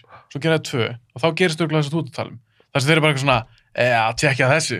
Fannst ykkur þetta töff? Tjekkja þessu. já, Þá verður þetta brastanlegt. já, akkurat Já, það er, það er bara það það er, það er svona of, maður ma sér stundum á myndum að það eru svona orðnar of góðar með sig sko. Já. Þetta, þetta verður tilgjörlegt. Já, það verður það Já. Og þá er þetta ekki töff lengur. Nei. Þarf alltaf að vera, mað, ég hef alltaf sagt að maður þarf að efast um sjálfa sig ég, hérna, mér finnst fólk við erum of mikið að predika að trúa á sjálfa sig það er Mm. gott að blessa, en líka efast um sjálfa þig það, það gerir góða hluti líka En er ekki galdurinn bara þetta jafnvægi? það er jafnvæði sko Já. En það er það sem er erfitt. það er það sem er erfitt, það er það sem að það er þessi skali sem að allir eru að vegast alltaf á sko og hérna og, og er ímsum byrtingamyndu hvað var að geða sjúkdóma og svo leiðis Emmitt. En hvernig, þú talar um Watchmen, ef við hún talar um Watchmen, hvernig varst þið serían? Geðvik. Djúvel var hún góð maður. og ótrúlega góð ég var bara, ég varð maður er náttúrulega búin að setja þessa bók á svo um, háan stall og hún er svo heilög og þegar maður, þú veist, DC byrjaði ekkert fyrir svo lengur síðan að gefa út nýjar Watchmen myndasögur um karakterina, Rorschach myndasögur og svo framvegis þá fannst maður það að vera svolítið svona guðlast Mm -hmm. en, uh, en síðan þegar öllur á bátnum kvöld ef að það er vel gert þá er það ekki lengur guðlast þannig að bara það má krukka í heilagri jörð ef þá þú að gera það þá, þá ertu sko, það er svaka ábyrð Já. þannig að takast að gera framhald að Watchmen sem að bara gengur upp Mhm. og maður svona lítur bara, maður svona finnst eins og Alan Moore hafi samið það Já. mjög Alan Moore legt og, og hefur, og er, hefur eitthvað nýtt að segja alltaf er þessi fókus Mhm. en, en bókin þar sem að kannski er rauður þráður bæði í bókinni og uh, þáttunum er það að það eru þessi skilabóð sem er svona samtíma skilabóð þú veist að taka eitthvað pólitíst í uh, þeim samtíma sem að þetta er framleitt í Mm -hmm. og koma því áleiðis og þegar það, bókin var skrifuð þegar bara var kjarnorku vá og allir voru hrættu við sprengjuna, það var skrítin stemning í mid-80s Mm -hmm. uh, og með kaldastriðinu og það, bókin var bara um það hérna Batman, Dark Knight Returns sem að uh, Frank Miller gerði á sama tíma var líka um það Mm -hmm. og en að, og svo ég fara og ætlar að gera uh, Watchmen sögu í dag þá þarf þetta mynd að taka eitthvað eitthvað á vá sem að, svona, sem að kvílir á mannkyninu þá stundina og, og það er náttúrulega racial issues sem Mhm. er tekið bara svo ógislega vel Já. í þessari þessari sögu og, og ekki skada eða að þú veist, skada eða bara, þú veist, að Black Lives Matter Mm -hmm. skildi gerast á sama tíma og COVID vegna svo allar grímurnar allir skildu að vera með grímu heilt Einmitt, lögreglunni. einmitt, og bara hvað það er ólöglegt að vera ekki með grímu og ég bara what, þetta var, þetta var gert árinu áður en það gerðist sko. Mhm. Mér veist að að svo serið, hún kom rosalega óvart, rosalega vönduð já, og gæði sem gerða hana. Mér finnst það svo ábyrðandi af því hann er búin að segja að ég ætla ekki að gera þetta meira. já, Þetta er bara mínu serið. já Skilurðu? það er uh, góði pól sko vegna þess að hann, hann var með þessa hugmynd en hann er ekki með hugmynd fyrir tvö Já, gerði það breyna. já, það er, þú veist, að, að ef hann gerir tvö þá verður það forst Nákvæmlega. en ég vissum að HBO er að fara að gera seríu tvö og ræður það bara einhvern annan í það Já, hann sagði, Damon Lindelof, hann sagði veist, ég vil endilega einhver annar koma og leiki sér í þessum heimi, já, en það verður ekki ég. nei, Ég er búin að segja mitt. akkurat Mér finnst það svo virðingavert. það er mjög verðingavert en það er einmitt núna eftir að honum sko honum tókst þetta það sem að hjælt að vera ómögulegt fimmleika atriði að gera framhald af Watchmen Mm núna er ykkur, mun ykkur sitja upp með það að þurfa að gera framhald að framhaldin af Watchmen af þessum tveimur sögum Það er erfitt. er- ég sé ekki hvernig það er hægt sko. Me, ég heldur gera það ekki, sko. En heit- HBO er til ég. já, það þarf að vera ykkur brilljant hugmynd sko. En núna Alan Moore til dæmis, hann er bara búin að afneita held ég bara öllu þessu sem tengist einhverjum bíómyndum sem byggða hans verkum. Jú, hann er eh, með mjög hann er með mjög uh, hérna, fastar skoðanir hann hættir ekki við uh, það sem hann ákveður þannig að hann tekur ekki einu sinni greiðslum Nei, fyrir það sem hann gerir sko. en er þetta ekki svolítið skrýðin kall? Jú, hann er stórfurðulegur hann hérna býr snillingur. Northampton í Breitlandi og er bara þar Mm -hmm. ferðast eiginlega aldrei út fyrir þann stað hann er galdrakall hann stundar svona kukl uh, og lítur á sig sem svona, svona þorps, svona galdralækni Northampton Þetta er ekki tjóka? nei, hann er sko með, veit alla, hann veit allar svona, uh, svona laumu uh, galdra sögu Northamptons, veit hvar hérna hvar uh, hérna, svartagaldur splettirnir eru og svo framvegs og stundar þetta Já. eh, og skrifar ekkert nema brilljant myndasögur hætti að skrifa myndasögur mjög nýlega og skrifa, er að skrifa núna skáldsögur er að koma át bíómynd eftir hann svona einhver low budget Leikstýrið hann inni?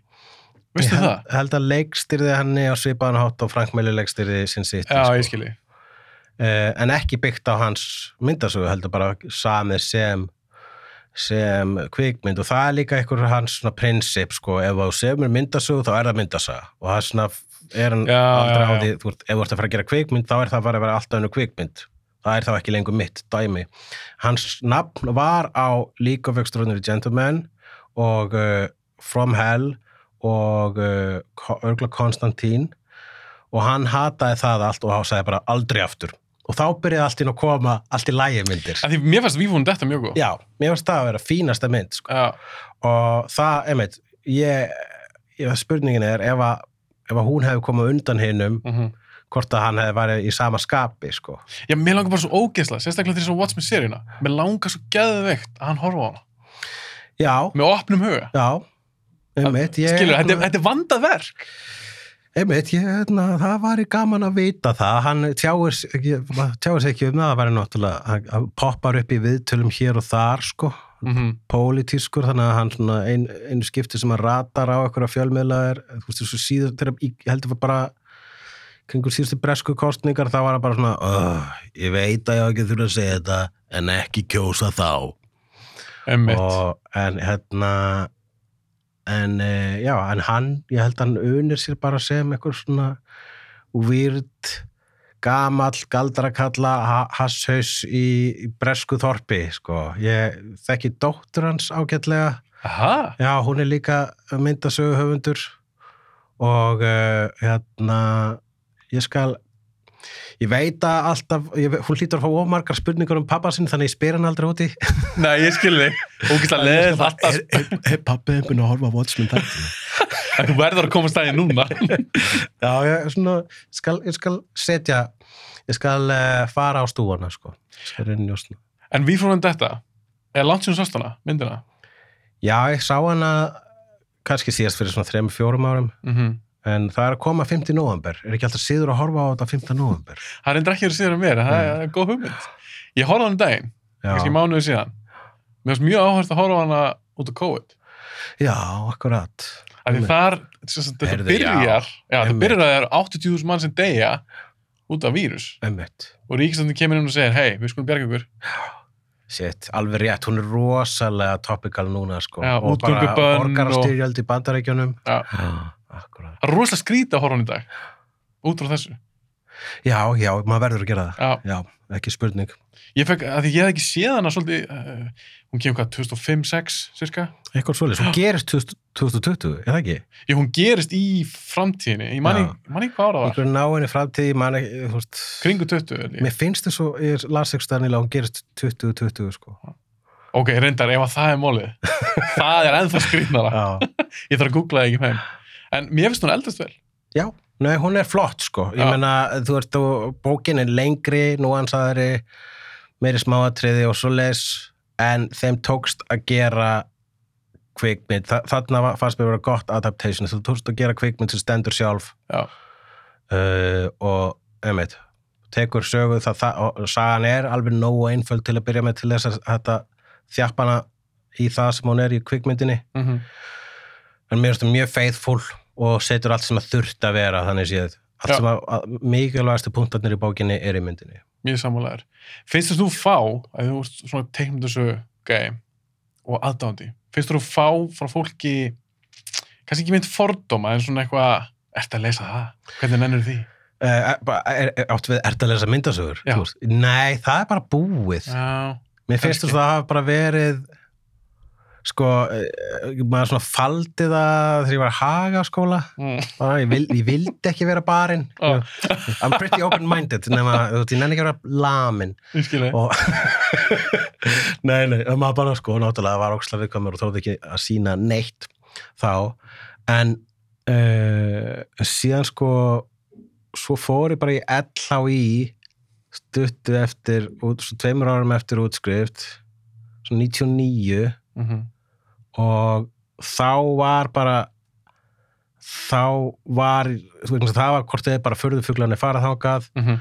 og þá var ég, það var eiginlega engin svona, svona popkultúr ofurhytjunör þar Mm. en þá var ég bara sá gaur þar Já, ég skilji það, það, var, það var svo fínt identitet til að hafa sko, Mhm. nörda identitetið í LHV, þá var ég að representa sko, þá hlið af list sko. En svo sem fyndi að því í dag, það er í lægi innan gæðslepa að fara á margálmyndir. En ef ég segja að ég les samt líka teiknum og sögur, minnst ég samt ennþá fá svona smá eitthvað hana, já, ó, Já, já, nei, ég veit það ekki, það fyrir kannski bara eftir við hverja sko maður talar. Ég, hérna, er uh, náttúrulega bara umkringdur einhverju hérna, Nördum. og treflum. sem Eh. kunna með þetta eins og þú. já, eða þú veist, það er alveg sko, mér, það sem að uh, ég hef líka sko hafa verið haft fjölmiðlar hafa samband við mig, þú veist, þegar Stan Lee dó, þá Mhm. mætti ég á rás eitt í eitthvað við til að tala um Stan Lee. Mm þannig að þetta er orðið svona, maður er svona go to eitthvað sérsvið hjá manni. Já, og það er alltaf ykkur ákveðin verðingi því og hérna og svo er bara, ég veit ekki, ég tek ekki eftir ef að, hérna, það er ykkur sem fyrst að skrítið, sko. Nei, auðvitað er mann alveg sama, mér finnst bara svo áhugavert, að því mér finnst bara svo margar góður sögur í sögur. Já, það er vissulega, vissulega þá er ég alveg var við, jú, þegar þú segir það, þá eru alveg ég var við á, hérna í minni, sko, svona af einhverjum Facebook-vinnum sem eru bara svona, þetta er náttúrulega það er svona ákveð snobb Mm og ég eiginlega þegar að einhverjir eru með snobb gagvart þessum kultúr þá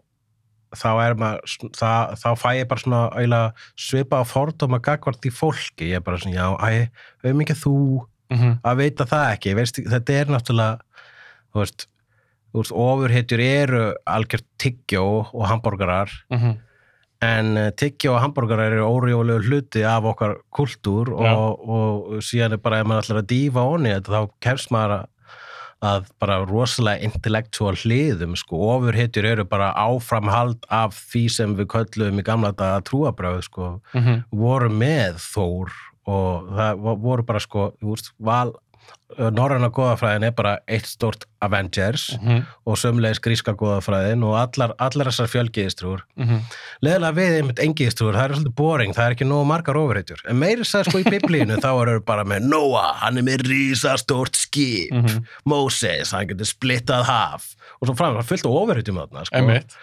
Eh, þannig að þa- þær, þær, eru, þær eru þarna líka sko, og með þess að katholska trúin var bara hérna, uh, ok, vegna þess að það var fyrst Rómaveldi og bara uh, núna er kristni í tísku þannig að við þurfum að taka það. En hún er svo boring. Þannig að þeir byggu til allar þessa dýrlinga. Mhm. ok, það eru nýju ofurhetjunar Já. og það er, þú veist, Jólasveitnin hann var til úr því. En svo, svo má líka ekki hann gleyma er ofurhetja. Hann er Róhundja hann er með sama power og Þór. Hann- hann er með allar sama faratæki Sama far, já, góða punktur. Uh, En það má ekki gleyma því líka að myndarsögur, þetta er ekki bara ofurhetjur Nei. Skilur, þú getur fengið, þetta er svo ég uppbóðast teikmyndasaga mín bara allra tíma er 100 bullets. Já, hann er æðisleg. Mér finnst það bara geggju saga. Já, Þetta er bara krimmarsaga það er kreima saga, það er einmitt það sem ég bara hissa er ekki búið að gera eitthvað HBO-seríu sko. Ég bara skil það ekki. Það eru, einmitt, það er líka sko, það eru svona, ég reyna að halda mig við þær svona seríur sko, sem að Vertigo seríurnar sem að Mhm.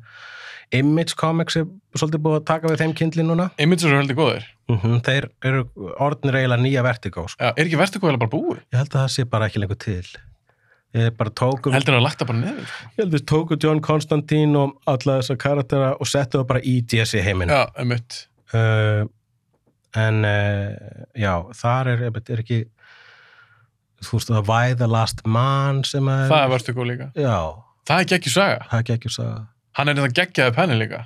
Gæðin sem gerir það. Já, One Von, hann Já. er geggjaði já, penni hann gerir, hann gerir saga. Já, það er geggjað. Ég, ekki, ég er ekki búið með það En nei, það er geggjað. Já, líka, já, eftir að klára það er, heldur, ekki, það er ekki alveg búið, það er búinn fyrsti bálkurinn, það er hérna er ekki Phase One er búið. Já, Það ég held það. að lesa ykkur að 5-6 bækur já, það er brjálæðislega gott og Já. hans já, hans stöf er frábært. Ég nýbyrja að lesa eitthvað sem heitir Paper Girls Mér finnst það, það, það byrja vel. það byrjar rosa vel, það Já. er svo Stranger Things nema Actually Stranger. En það er komið þættir, það er koma þetta Paper Girls? Ó, geggja.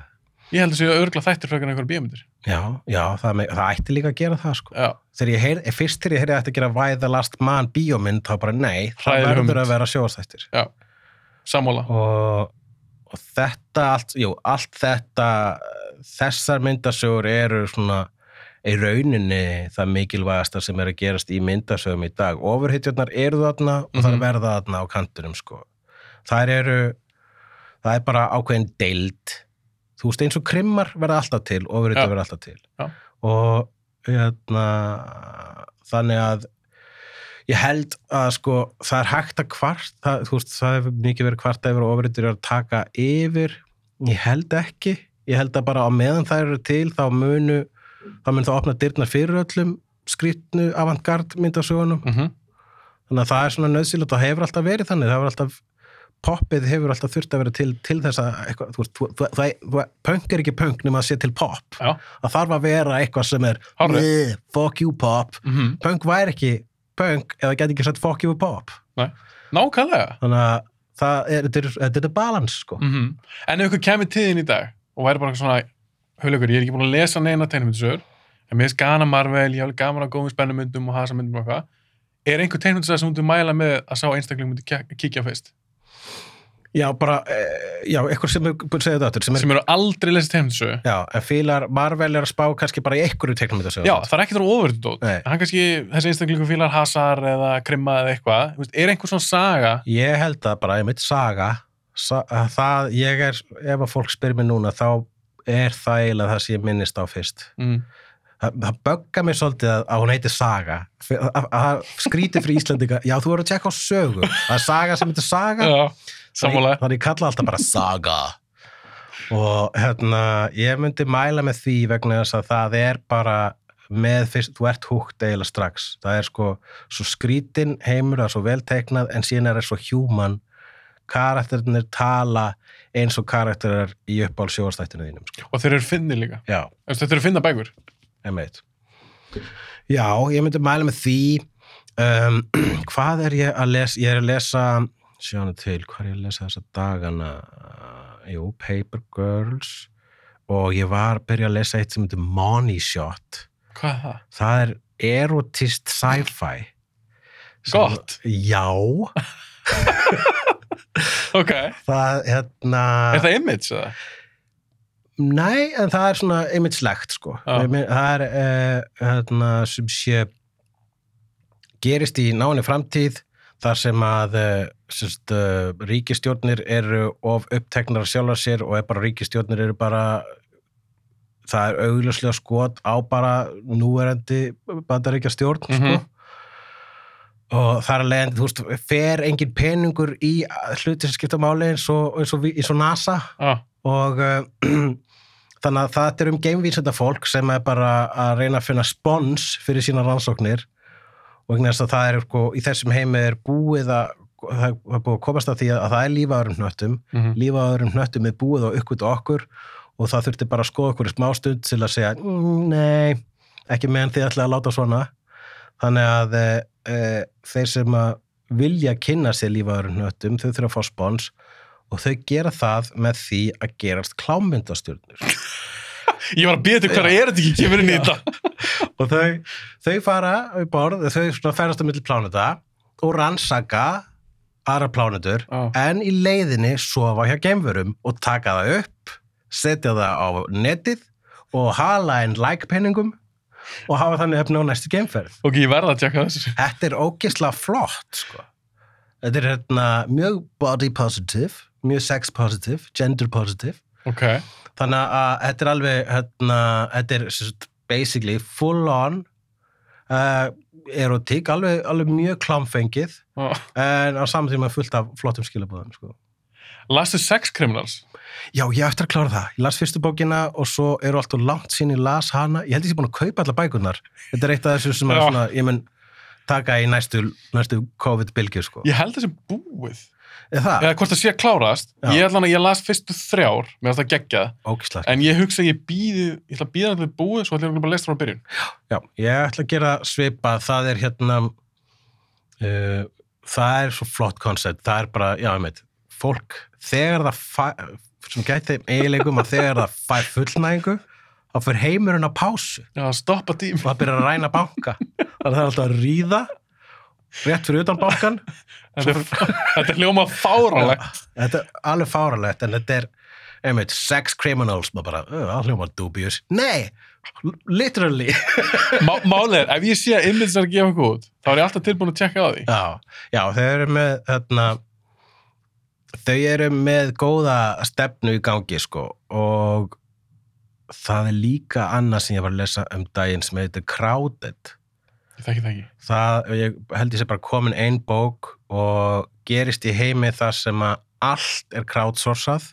Mm. og það er að leiðandi e, í gegnum einhverja laga lúphólur getur þú löglega þú veist sett svona hérna, getur löglega látið drepa eitthvað sem þú þólar ekki þú fyrir að Ha? být til svona crowdsourcar legumorðing Þetta er hljóma ef fáralegt. að nógu margir hata þig Ah, þá gæti einhver hugsa, fuck it, ég ætla að fara hérna á Reaper, sem er app og bara skrá þannig bara, þessi, ég ætla að setja hérna 5 dollara eða dreipa þannan og þá kannski bætir ykkur við og Ah. það fyrir pott og svo kannski komin miljón dollarar á þig og það er bara svo margir sem þólaði ekki og svo eru bara fleiri bara, hei er, bara- þá, þá byrja allir sem eru skráður á Reaper, heyrðu, ég get fengið miljón ef ég dreip þannan, þá er bara allt í niður allur heimurinn á mótið þér. Er það spenna, Þetta hasar? er spennu, hasargrín, gaman, ádela uh, og fjallar um stelpu sem er eitthvað svona valley girl, er svona hérna uh, skemmtista drottning. Oh my god, þessi típa. Mm, og er hún aðal? sem hún er aðal og hún og síðan hérna, hún fer á hún fer sjálfa app og finnur sér verndara sko. þeir eru, það þeir eru líka þú getur farið á app og feng, fengið þér allt sko. En þarf það, þurfi ekki það fleiri að taka þátt í því að redda henni vendara? Er búið að Eh, leggja í púka? það, hún þarf einmitt að finna vendara sem að uh, já, hún þarf að borga eitthvað x á tíman, þetta er Ah. allt saman rosa mikil svona crowdsourcing appvísindi ég er, búin ég er bara búin að læra um veruleikan með því að lesa þann, hennar skáldskap sko. Já, það. Og það er mjög skemmtar, ég er búin að lesa fyrstu bókina í því og þetta eru, allar þessar sögur sem að minnast á uh, þetta er allt sögur sem einmitt bara manni líður eins og maður sé að horfa á uppáhalds HBO þátt- þáttinn sinni eða. Netflix þáttinn sinni Þetta er góða sögur. og, og það er skemmtilega við myndasögur eru þar eru svona eins og kvikmyndir fátakamannsins, þú getur gert, ert bara með nógu góðan teiknara, eða ert nógu góð teiknara og nógu góður sögumæður þá getur þú gert uh, hvað sem er í rauninni, Mhm. bara takmarkast eftir hugmyndaflugi þeirra sem gera bókina og þannig að eins, já, þá verður þetta bara þú veist, my- myndasögur eru eru eins og, að, eins og bara blúprint að frábæru sjóasefni nema Mhm. að það þurfa ekki að verða kvikmynd sko.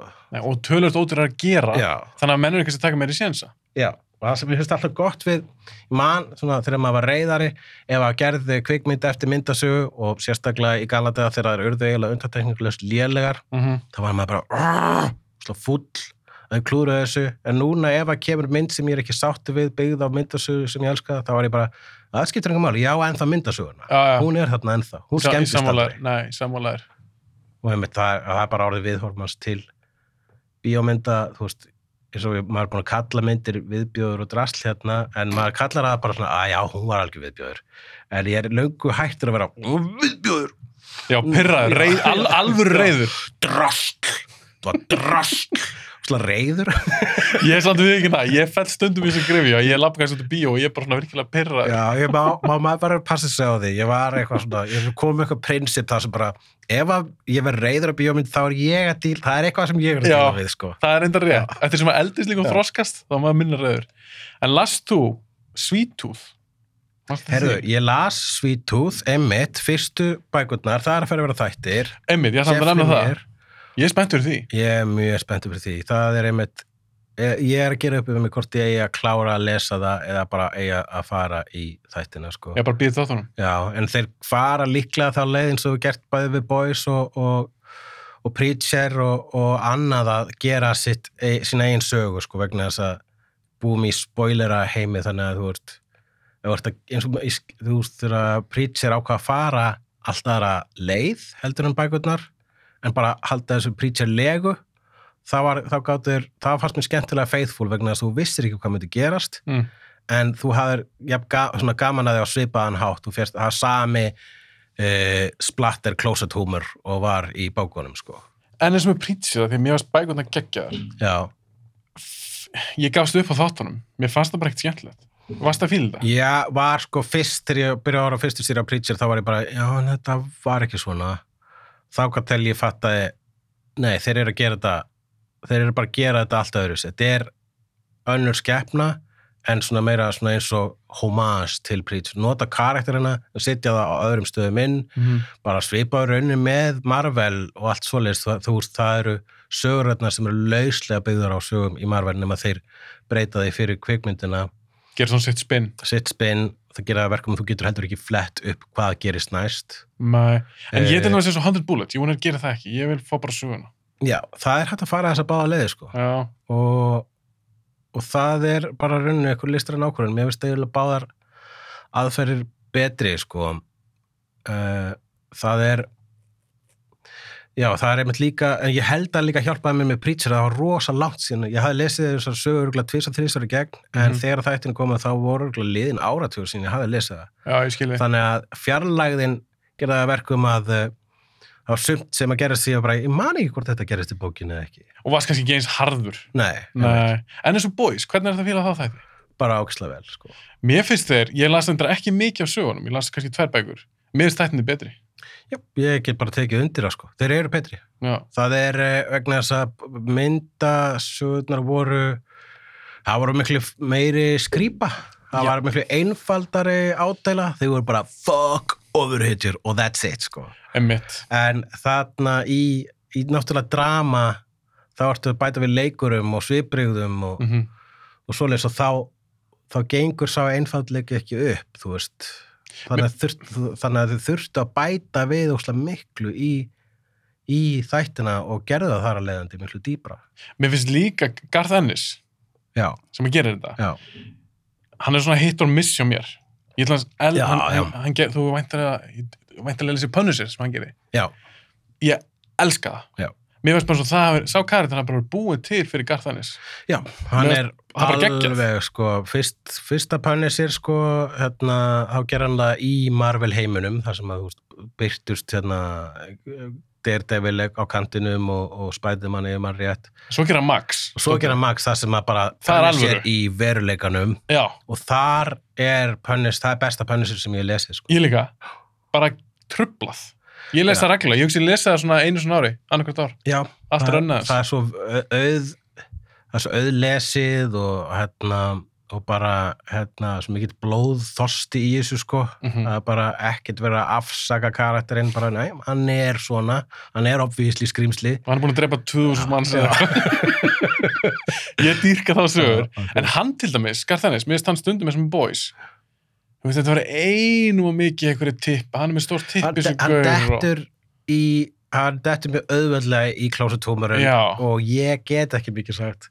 Þegar ég get ekki hvort ég, þú veist, hvað Já, þú fílar það. Ég, ég, ég meina þú veist, það er ekki eins og ég hef ekki endur tekið mig hundra sinnum þegar kemur að tippa á kókabráturum ég, ég gengst alveg við því þannig, en kannski mínu tilvikið þá eru hvort þeir spýtukallarsögur og eitthvað Mhm. annað ég er á einhverjum leikvelli það sem má vera astnalegur eða eitthvað. Mm. en hjá Garth Ennis þá sko mér finnst það skemmt, hann er rosa góður í horror og Mhm. rosa góður þegar að skrifa Hellblazer.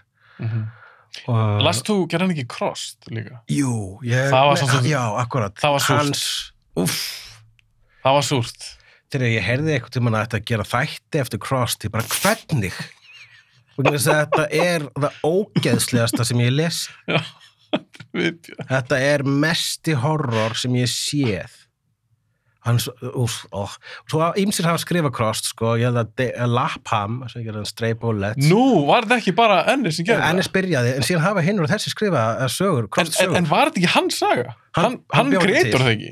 Jú, hann kreitaði hann heim, hann bjóð til þessar zombiur en uh, hérna, en síðan hafa, Alan Moore hefur skrifað Crossed. Aha, Já.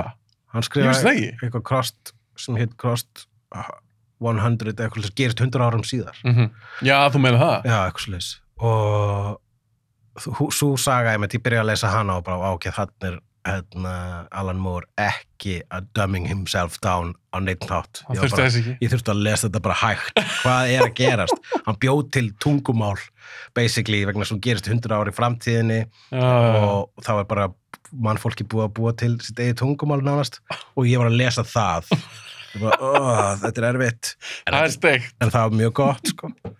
Já. uh, en það var einmitt einminn Lapham saga sem að Krost saga sem ég las og mér leið illa eftir hana það var bara, oh, það er svo, þetta er svo Bara eimt. þessi skrýmsli eru svo vond bara, og einmitt það kom fram þarna í fyrstu krostsögunni, það var einhver innri díalóg enda personunar þar sem á að vera skilgreina þessar zombíur bara, þær eru allt það slæma við mannkinnið Einmitt. Alltaf ó, allar ógíslustu fréttirnar svo heyrir úr fréttunum um hvað mannfólk getur vond sett bara í þessi skrýmsli og maður bara, oh, ái hvernig, hvernig þarna er mitt sko munurinn að mynda sömu kvikmyndum hvernig var hægt að yfirfæri þetta í kvikmynd að þess að kvikmyndin eru bara ólögleg Já, einmitt. Nákvæmlega. Það að enda þessu hulungur. Já. Takk kærlega fyrir að koma til mín. Takk fyrir mig